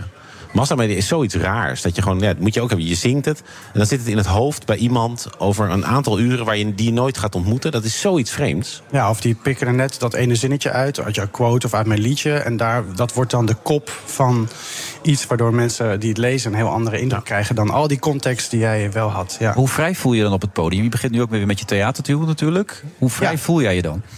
Eh, nou, het gaat, ik ben natuurlijk vooral een muzikant, dus ik voel Ja. me muzikaal extreem vrij. Want ik heb een fantastische band en eh, ja, dan kan je tot grote hoogte komen. Of juist naar heel stil en dan voelt het heel erg samen. Dus echt het ensemblegevoel. Maar in, eh, in teksten is dat toch wel anders. Het is toch wel een soort censuur aan de gang... die ik probeer natuurlijk altijd los te laten. En voor mij zijn er twee momenten op de dag... waar, waar die censuur het minst aanwezig is. En dat is als je net wakker wordt, dus uit die droomwereld ontwaakt... of als je bijna in slaap valt. En eh, nou, heel veel eh, ja, mensen in de literatuur gaan juist gewoon om, om tien uur 's ochtends zitten met een kop koffie. En dat Ja. werkt voor mij moeilijk. Bij mij is het of als ik heel rommelig dronken ben, dan komt er een idee. Of ik val bijna in slaap en ik. Ja, dan... Rommelig dronken, dat is een goede. Ja, nee, dat staat snap ik wel. Als echt de kroeg naar buiten. En dan sta ik eventjes zo in mijn dictafoon te zingen. Want dan, dan komen de ideeën. Ja. Wel mooi. Eh, Joris voelt zich een reiger. Die opstijgt en meezweeft en zich vrij voelt. Tijdens het schrijven bedoel je? Of, eh, nou, het is als het- zijn ja, leven eigenlijk. Constant. Ja. Oh ja, ja. Herken je zo'n gevoel? Heb jij dat ook? Mm, nee, daar moet ik even over nadenken. Nee, volgens mij niet. ik voel me niet per se een, een vogel of een bepaald dier. Jij kan hier in Nederland redelijk makkelijk over straat. Dat is in bepaalde landen lastiger, volgens mij toch? Ehm, nou, sinds ik een beetje een baardje had laten staan ooit... herkent helemaal niemand me meer. Dus dat komt heel goed uit. Het Ja. verschil is wel dat als ik naar die landen ga waar je het over hebt... Dus Azië vooral? Azië, Ja. dat dat eh, me dan gevraagd wordt ook om die baard af te scheren. Dan word ik weer ietsje sneller herkend. En vooral rond de, de venues waar ik optreed, daar, nou, dan word je natuurlijk wel herkend. Maar als ik gewoon naar een klein eilandje in eh, Zuid-Korea ga voor vakantie, dan niemand. En dan Nee. sta ik dus, dan zit ik dus wel in de kroeg met iemand te praten. Zo, what do you do? Ik zo, oh, I'm a musician. Niet te veel opscheppen. Oh, what is your song? En dan zeg ik Breezy, dat is mijn allereerste liedje ooit in 2007. En dan, oh, en dan halen ze alle vrienden erbij. Dus dat vind ik eigenlijk het grootste compliment. Dat niet mijn hoofd is wat ze herkennen, maar de melodie die ik heb eh, gemaakt. Ja. maar we hadden het net over bekendheid. Bijvoorbeeld over Boris Becker, die al op jonge leeftijd dat mee mocht maken. En daardoor niet in emotie kon groeien. Eh, hoe ervaar jij dat voor jezelf als je in dat soort landen verkeert? Kun je jezelf zijn dan? Kun je dicht bij jezelf blijven? Mm, ja, ja, ik denk het wel. Ik vind het altijd moeilijk als een bekender bekender iemand dan ik ze die vraag stelt. Want ja, kan je natuurlijk ook naar jou, uh, naar jou ja, bekend zijn in Nederland is Zilderstrandjutter op de Schelling. Dat stelt Ja. geen fluit voor. Nee, dat is waar, Maar dat in dat waar. soort landen, dat, dat ook veel groter en massaler is... en waar volgens mij ook de hysterie nog groter is, denk ik, dan die bij ons is... Of misschien de egaars ook, hè? Ja. Voor, voor, eh, of de, de hiërarchie tussen... eh, jij bent niet bekend, dus jij stelt niks voor... en die, die persoon is, ja. Dus eh, wat ik het belangrijkste daaraan vind is... dat het een goede reality check is voor mij om weer terug te komen in Nederland. Want daar inderdaad hebben we eh, periodes gekend met bodyguards... waarvan ik altijd dacht dat het niet nodig was. En zei ik van, ah joh, ga lekker een sigaretje roken. En dan precies op dat moment werd er door een gekke Werd je fan- ontvoerd? Ja, ongeveer. werd, werd je op mijn rug gesprongen. En bijvoorbeeld als het begint te regenen, dan gaan wij Nederlanders gewoon lekker op de fiets en eh, we doen gewoon alles. Maar daar staat er meteen iemand van de platenmaatschappij. en ineens staat, is er een paraplu boven je hoofd. Je zal er maar aan gewend raken. Dat wil ik er maar mee zeggen. Dus het is heel onnuchterend om altijd weer terug te komen in mijn eigen Je hebt het land. goed voor elkaar. Dat je in je eigen land kan je jezelf zijn. Ja. En dan ga je gewoon werken daar. Want volgens mij is het zo persoonlijkheidsvormend... als je hier ook zo hysterisch werd behandeld. Ja, eh, volgens mij hebben we ook niet zoveel verhalen van die Nederlanders. Volgens mij in Nederland zou je daar niet mee wegkomen met heel veel eh, spatjes, noemen ze dat toch? Eh, Hmm. Als je heel arrogant bent. Dat, eh, dat wordt hier niet gewaardeerd. Maar het is wel mooi te lezen dat jouw nieuwe album Little Torch... heeft geweldige recensies gekregen. Dat, dat moet je ook raken, toch? Dat soort Ja, zeker. Dat, dat, dat- die plaat komt eigenlijk van een hele andere plek. Want ik heb het nu gehad over relaties en persoonlijke ervaringen. Maar deze plaat is in een, ja, in een periode opgenomen dat ik heel veel thuis was. Ik weet niet of mensen dat herkennen de afgelopen Ach, jaren. ach, ja. En eh, die droomwereld, die werd... Die kwam steeds dichterbij. Dus er waren ineens liedjes over een zeemermin. En eh, ik liet me inspireren door, door mythen. En dan kwam er een nummer over een ontsnapping op een dolfijn. En, eh, dus het is veel meer fantasie aan te pas gekomen dan ik daarvoor heb toegelaten. Dus wat minder confessional, wat minder Adele break-up songs. Ja. En je bent gelukkig in de liefde nu, toch? Ja, zeker, zeker. Ja. Jij ook? Ja, voor zover ik weet, Ja? eh, toen ik straks vertrok wel. Ja, dus Oké, ik mooi, ga mooi, ervan mooi. uit dat het nog steeds het Ja, geval zeker, is. zeker. En bovendien wil ik daar niet te veel over kwijt. Want ja, dat soort zaken moet je gescheiden houden natuurlijk, hè, jongens? uit de context, eh, gehaald worden, ja. dat moeten we ook niet hebben. Voor je het weet gaan er mensen mee aan de haal. En binnenkort dus naar eh, Zuid-Korea weer? Ja, ja, eerst doen we nog een heleboel Nederlandse optredens. Uh, Theatertour, daar zijn we nu een paar weken mee bezig. En dat is heerlijk om weer op het podium te staan. Er zijn nog kaartjes voor of zeg je kansloos? Nee, er zijn nog een paar kaartjes. En we komen echt nog op allerlei plekken. Ik kan ze gaan opnemen, maar dan... Ja. eh, nou, ik weet niet. Amstelveen, dat is lekker in de buurt hier. Hey, Amstelveen. Nou ja, dat kan niet toeval zijn. Hij stond er van de week nog, Joris. Broeder. Ja. En we stonden gisteren met de band zo van... hoe heet nou ook weer die Schouwburg? In Amstelveen, maar Ja. dat komt, hij heet Schouwburg Amstelveen. Die heeft geen naam. Daar hebben ze goed over nagedacht. Ja. En dan naar Zuid-Korea toe. Ja, dat is eh, ook weer ja, net zo lang geleden. Een hele pandemie geleden dat we daar geweest zijn. Dus dan gaan we eventjes weer net doen alsof we popsterren zijn of zo. Ja, dat is ook wel eens leuk. Nou ja, als dat kan, als je het even aan kan zetten, lijkt me heel bijzonder. Ja, het is wel heel vet. Dat festival waar we daar staan, eh Soul Jazz Festival. We staan bijvoorbeeld op hetzelfde podium eh, een uurtje eerder dan Sergio Mendes. Nou, dan vraag ik je. Dus ik ben daar ook altijd in de hotellobby. Denk van, oh, daar staat hij. Nu een foto vragen, want eh, nu kan het. En eh, ja, Maar dat komen moet je niet, want er willen allemaal mensen met jou op de foto. Dus je komt er natuurlijk nooit eh, Ja, ik moet inderdaad wel altijd op mijn hoede zijn. Ik Ja. kan eigenlijk in Korea kan ik niet, zeg je dat, een beetje met rommelig haar. En nee, het moet, moet eigenlijk altijd Ook niet rommelig dronken zijn, dus begrijp ik daar? Nou, dat is het gekke. Korea is een van de wildste landen die ik wat dat betreft ken. Het echte drinkcultuur daar is ongeëvenaard en er is ook geen stigma. Dus bijvoorbeeld hele grote directeuren van grote bedrijven... die beginnen ook vaak een nieuwjaarstoespraak. Nou jongens, ik kan wel 16 flessen soju op, dus mij moet je vertrouwen. Dus het wordt daar juist als iets positiefs gezien. ja, dat had ik nog nooit meegemaakt. De bedoeling is dat ik binnenkort naartoe ga. Ik ben heel benieuwd. Nou, we gaan Ah, het allemaal je weer zien. leuk. Ja, nou, Wouter, ontzettend bedankt. Wouter Hamel en veel succes. Zijn nog kaartjes? Gewoon op de website kijken. Wouterhamel.nl of zo? Wouterhamel.com, agenda. Nou, ja, hier, zo zeker. makkelijk kan het gezellig zijn. kijken. En anders ga je... Oh nee, die is al geweest. De Amstelveen eh, Schouwburg. Zeist, mens. Zeist. Zeist, ja? Binnenkort Zeist? Ja? Dinsdag. Oké, nou, dinsdag Zeist. Maar we gaan nog even door, hè, zo meteen. Dus je kunt nog een paar noemen. Wouter, bedankt. Bedankt. The Friday Ik ben Sylvia van Solft. Betaalt u te veel huur of huurt u te veel kantoorruimte? Solft heeft de oplossing. Van werkplekadvies, huuronderhandeling tot een verbouwing, wij ontzorgen u. Kijk voor al onze diensten op soft.nl. Daden zijn duurzamer dan woorden. Bij PwC geloven we dat de uitdagingen van de toekomst vragen om een ander perspectief. Door deze uitdagingen van alle kanten te bekijken, komen we samen tot duurzame oplossingen. Zo zetten we duurzaamheidsambities om in acties die ertoe doen. Ga naar pwc.nl. De Friday Move wordt mede mogelijk gemaakt door TUI en Otto Workforce. We take care of our people. Altijd en overal alle programma's live luisteren. Download de gratis BNR-app. BNR Nieuwsradio. The Friday Move. Eerst de goederentrein geweest en daarna de trein van de NS. Het is een enorm datalek. We zijn al zes uur over stikstof aan het praten. Zes uur lang. Daar wordt wat gegooid. Klaassen wordt geraakt. Wilfred Genee. In deze uiterst gevoelige uitzending van de Friday Move, daar gaan we weer.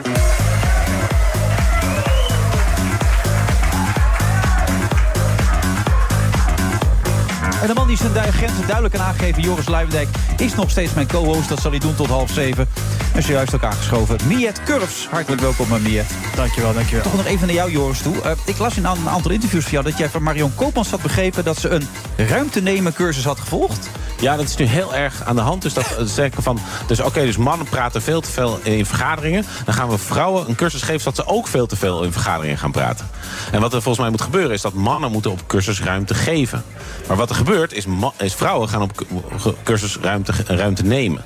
Je hebt ook dat mannen. het is een serieuze cursus, dit. Nee, assertiviteitscursus. Ja, Echt waar? ja. En je hebt dus ook eh, mannen zich, de, hij zich vaak eh, zelfoverschatting leiden. Mhm. En dan dus een te hoog salaris vragen. Maar dat wordt dan toegekend. En daardoor is een pay cap. Dus mannen verdienen meer geld voor hetzelfde werk dan vrouwen. En dan is de oplossing: gaan we vrouwen ook helpen zichzelf te overschatten. Maar veel beter Waarom zijn om krijgen, die die mannen. dat, waarom krijgen die mannen dat terwijl ze zichzelf overschatten? Hoe kan dat dan? Hoe werkt dat? Ja, omdat dan? het vaak ook weer mannen zijn die dan die beslissing nemen. Maar het is ook, het is ook de soort eh, van die, die mannen met veel vinkjes zoals ik, weet je, die, wij worden opgevoed. En we worden de hele tijd gestimuleerd. En oh Joris, wat een mooie tekening. Is dat een streep? En zo gaat het je hele leven door.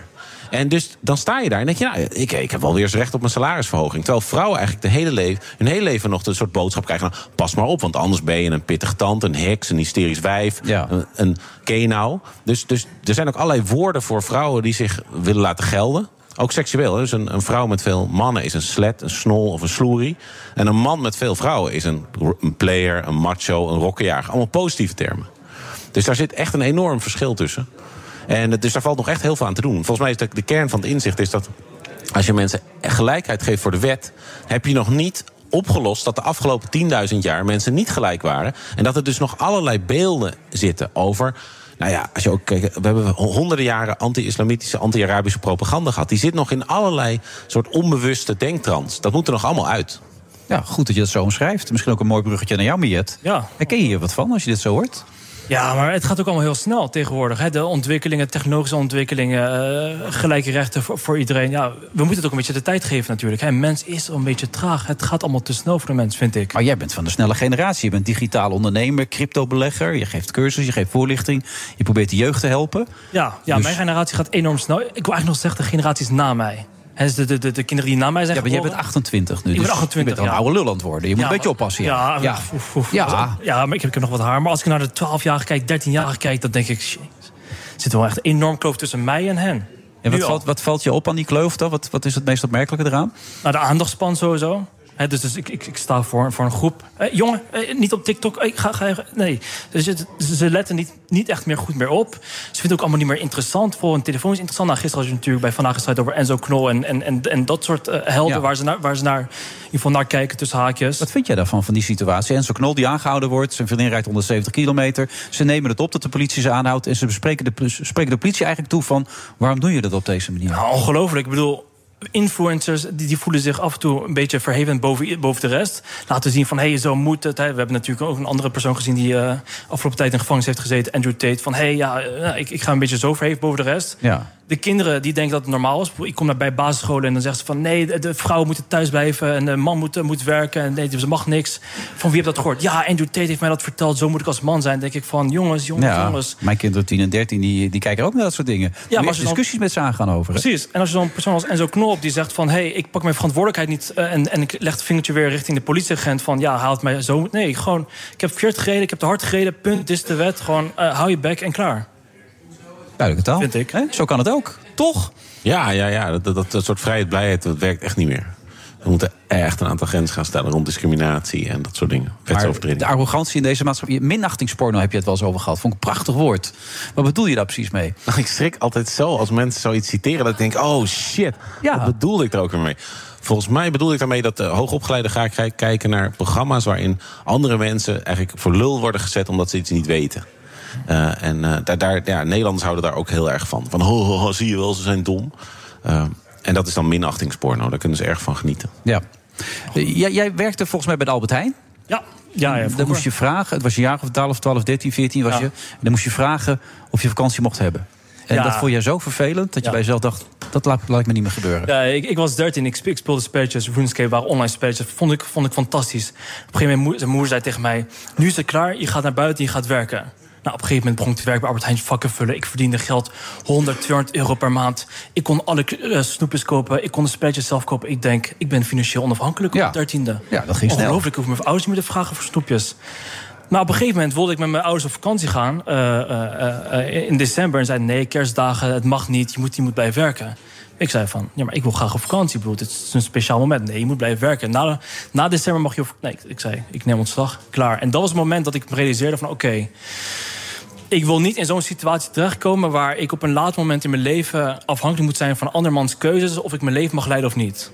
En dat heb ik doorgetrokken. En eh, nou, dat is redelijk goed gelukt. Ja, gelukkig. Want je bent financieel onafhankelijk inmiddels toch? Nou, ik heb keuzes gemaakt die mij financieel onafhankelijk hebben gemaakt. Mhm. Uiteindelijk heb ik ook heel veel geld weer verloren. Moest ik weer opnieuw op- opbouwen. Maar ik kan nu Daarna niet met zeggen... een, met een visie. hè? De eerste keer met de crypto's deed je het vooral om te gaan met die banaan, toch? Ik, ik hoorde net, net zo goed bij de generatie van... hij moet snel, eh, veel risico, het gaat heel, heel hard. Maar goed, je bent 21, 22. Wat wist ik nou? Op een gegeven moment bijna ook alles verloren. En ik moest weer opnieuw beginnen. Ehm, op een goede manier. En dat gaat niet zo heel snel. Maar het is wel een langdurig pad. Ja, en, en die visie... Hij klinkt alsof hij 80 is, hè, zo. Maar het is wel mooi voor iemand van 28. Ja, nou, ja. Eh, Het gaat best wel snel. En ik wil de jongeren die in ieder geval luisteren... of in ieder geval de jongeren die ook hetzelfde pad als mij wilden volgen... ook me aangeven van, hey, het kan niet zo snel. Weet je, stop met naïef zijn en denken van... je bent morgen miljonair of met gaan met z'n allen in de quote zitten. Het lukt niet. Weet je, statistisch gezien kunnen we niet met z'n allen rijk worden. Nee, daar staat de economie op een gegeven moment ook... eh, Dan werkt niemand meer, hè? Zit iedereen een beetje achterover Precies, dan gaan we met z'n allen Ibiza. achterover zitten. Met Ja. je relax op Ibiza of eh, Tenerife eh, binnenkort. Nee, dus maar voor mij werkt het niet. Eh, ik, heb, ik heb een hele wijze les geleerd dat het, geld niet in, eh, het geluk niet in geld zit. En dat was de mooiste Ja, maar er zijn altijd mensen die zeggen als ze heel veel geld hebben... hè? Ja, maar ik heb het ook allemaal weer verloren. Ja, maar je hebt het ook weer teruggewonnen. Ik heb het ook weer teruggewonnen Ja, uiteindelijk. en Ja, dat is maar iets makkelijker zeggen op zo'n moment. dat is zeker waar. Maar als je op je 21ste je droom uit kan halen en denkt... oké, ik, ik woog op dat moment 125 kilo. Ik had geen gezondheid. Ik had een auto. Ik had geen vrienden, omdat die allemaal nog natuurlijk aan het werken zitten of op school. Denk ik Hmm. van, ja, en nu? Je was eenzaam. Ja. Ja, nou, dat was misschien zelfs een beetje depressief. Van, ja, dat waren jouw doelen. Maar huilde je wel eens in die periode? Of je je- makkelijk huilen? Nou, niet, niet, ik, ik kan nu tegenwoordig wel wat eh, makkelijker huilen. Maar toen de tijd was het, oké... ik keek naar de social media influencers. Ik dacht van, daar zit het geluk in. Dus als ik dat zou behalen, zou ik ook gelukkig worden. En de keiharde les, nee, daar zit het geluk dan niet in. Dan heb je best wel veel opgegeven in die tijd. En denk je van, ja, waar moet ik nu nog voor streven? Dat is misschien een rare gedachte voor mensen die, die luisteren. Maar je bent 21, 22. Ja, wist ik veel. Ja, blijkbaar kun je nog heel veel andere dingen doen in het leven. En dat wil ik nu zo propageren. Dat er Ja. veel meer is dan alleen maar geld en materiële zaken. Maar Was toen ook het geloof, want nu, je houdt je nu aan Ramadan. Was het geloof toen ook net zo belangrijk voor je? Nou, ik ben op mijn achttiende eh, eh, verdiept in, in het geloof. Dus zelf die keuze gemaakt. Ja, uiteindelijk heeft het geloof mij ook verteld inderdaad dat er eh, meer is dan dit leven. Of in meer is dan, dan het geluk vinden in, in geld en materiële zaken. Maar het veel meer in nou ja, dit soort gesprek hebben met familie. Een stukje gezondheid, eh, herinneringen opdoen.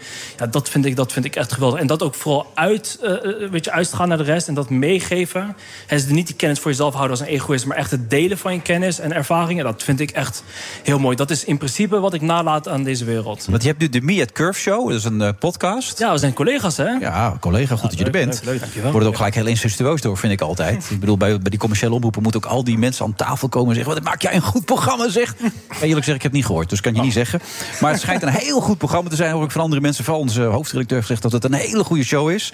Maar je zegt erbij ook: je wilt de wereld beter maken. Ja, iets mooier Dat vind ik nogal wat. Je wilt, de- je wilt ook herinnerd worden als je er straks niet meer bent. Als iemand die iets achtergelaten heeft. Niet vanwege je geld, maar omdat je mensen op weg geholpen hebt. Precies, maar weet je, een beetje weer naar schuur maken. hè. Vroeger als kind waren we allemaal nieuwsgierig voor nieuwe dingen. Voor eh, dit ontdekken, dat ontdekken. En naarmate de tijd voordat, weet je, dan zijn we dat niet echt meer. Of raken we in zo'n sleur terecht waar we niet meer om ons heen kijken. En ik wil met deze show de jongeren en jongvolwassenen weer lekker nieuwsgierig maken over nieuwe onderwerpen, eh, andere perspectieven, nieuwe gesprekken. Ik kom niet uit de mediawereld, maar ik dacht.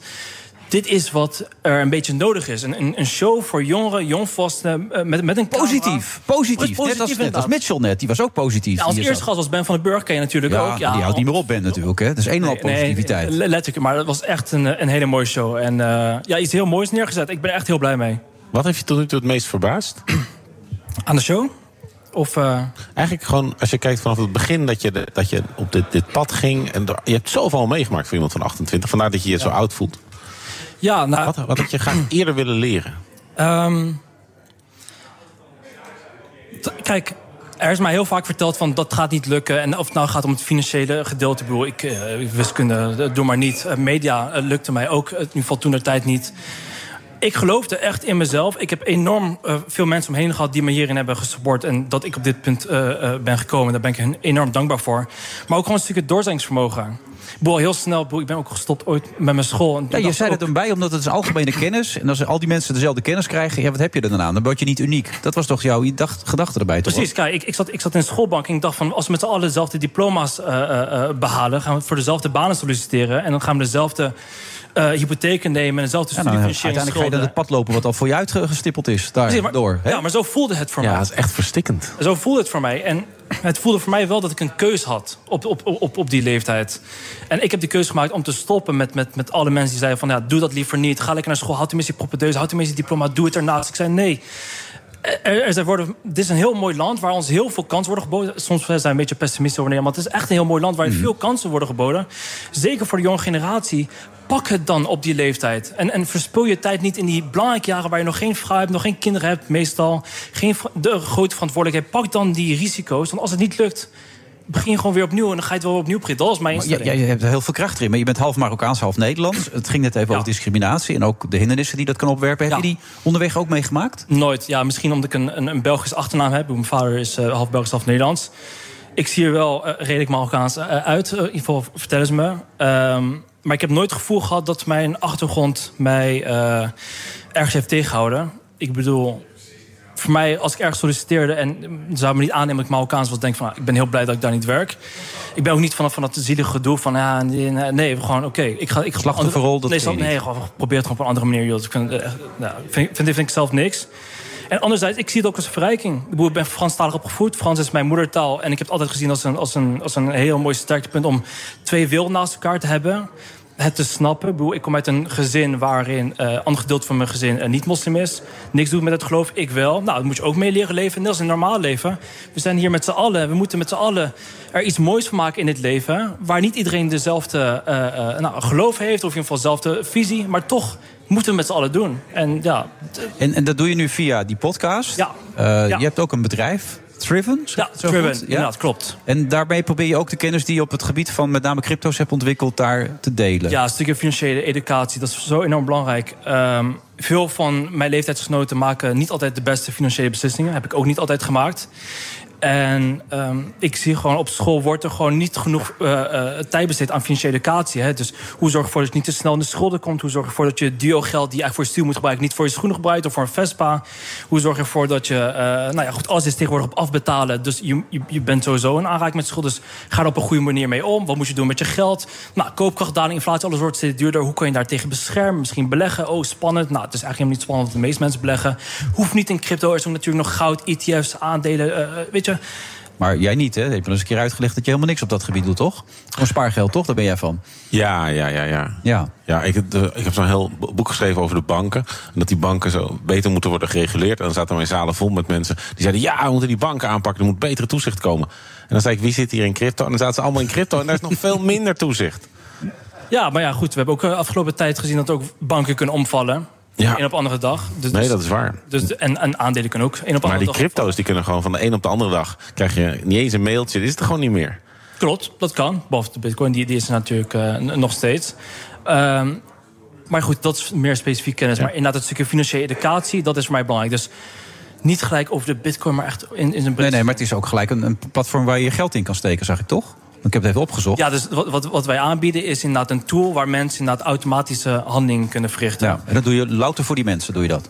Eh, ja, wij... wij, wij, wij, eh, wij Dat klinkt vrij onwerkelijk natuurlijk. Maar dat begrijp je toch? Of, of dat het Nou ja, goed, voor die op, mensen op is? de beurs natuurlijk ook. Hè. Je hebt de matige handeling. Ik ga zelf een handeling maken. Of je kan het automatiseren. Ja. Waar is dat door gekomen? Ja, ik was er zelf dag en nacht mee bezig.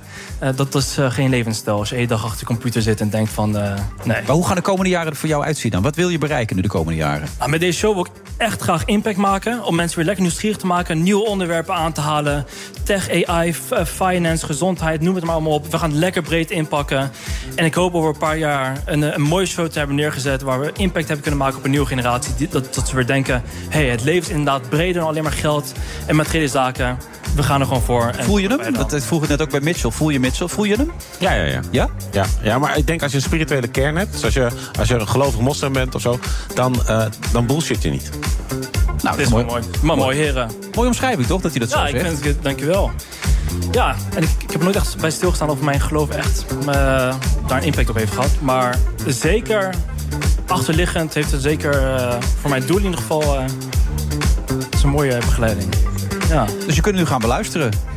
Toch? De Miet uh, Curve Ja, de. Miet Curve Show met, eh, met Ben van den Burg staat online. Inderdaad op YouTube, Spotify. eh, nou, we, zitten overal.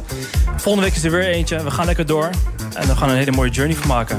Nou, dat klinkt hartstikke goed. En dat ga je ook doen. Waar ben je de, de komende tijd te bewonderen? Nou mensen, als je nou denkt, Nou, mensen, hoe ja. krijg ik mijn man nou eindelijk eens aan het zelfreflectie? Neem hem mee naar het theater. aan- in Zeist, aanstaande dinsdag. Volgende week donderdag in Utrecht. Daarna nog in allerlei andere steden. De zeven vinkjes.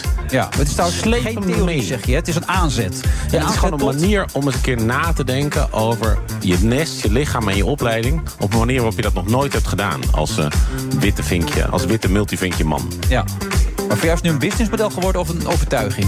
Nee hoor, want eh, eh, zo, nee, nee, nee, ja, businessmodel. Als ik geld had willen verdienen, had ik een boek geschreven over eh, de EU. En had ik gezegd, nou, een liefdesverklaring aan de EU. En dan gaan al die volksstemmers en die, die dat is, dit, eh, dit- dit soort boeken schrijf je niet voor het geld.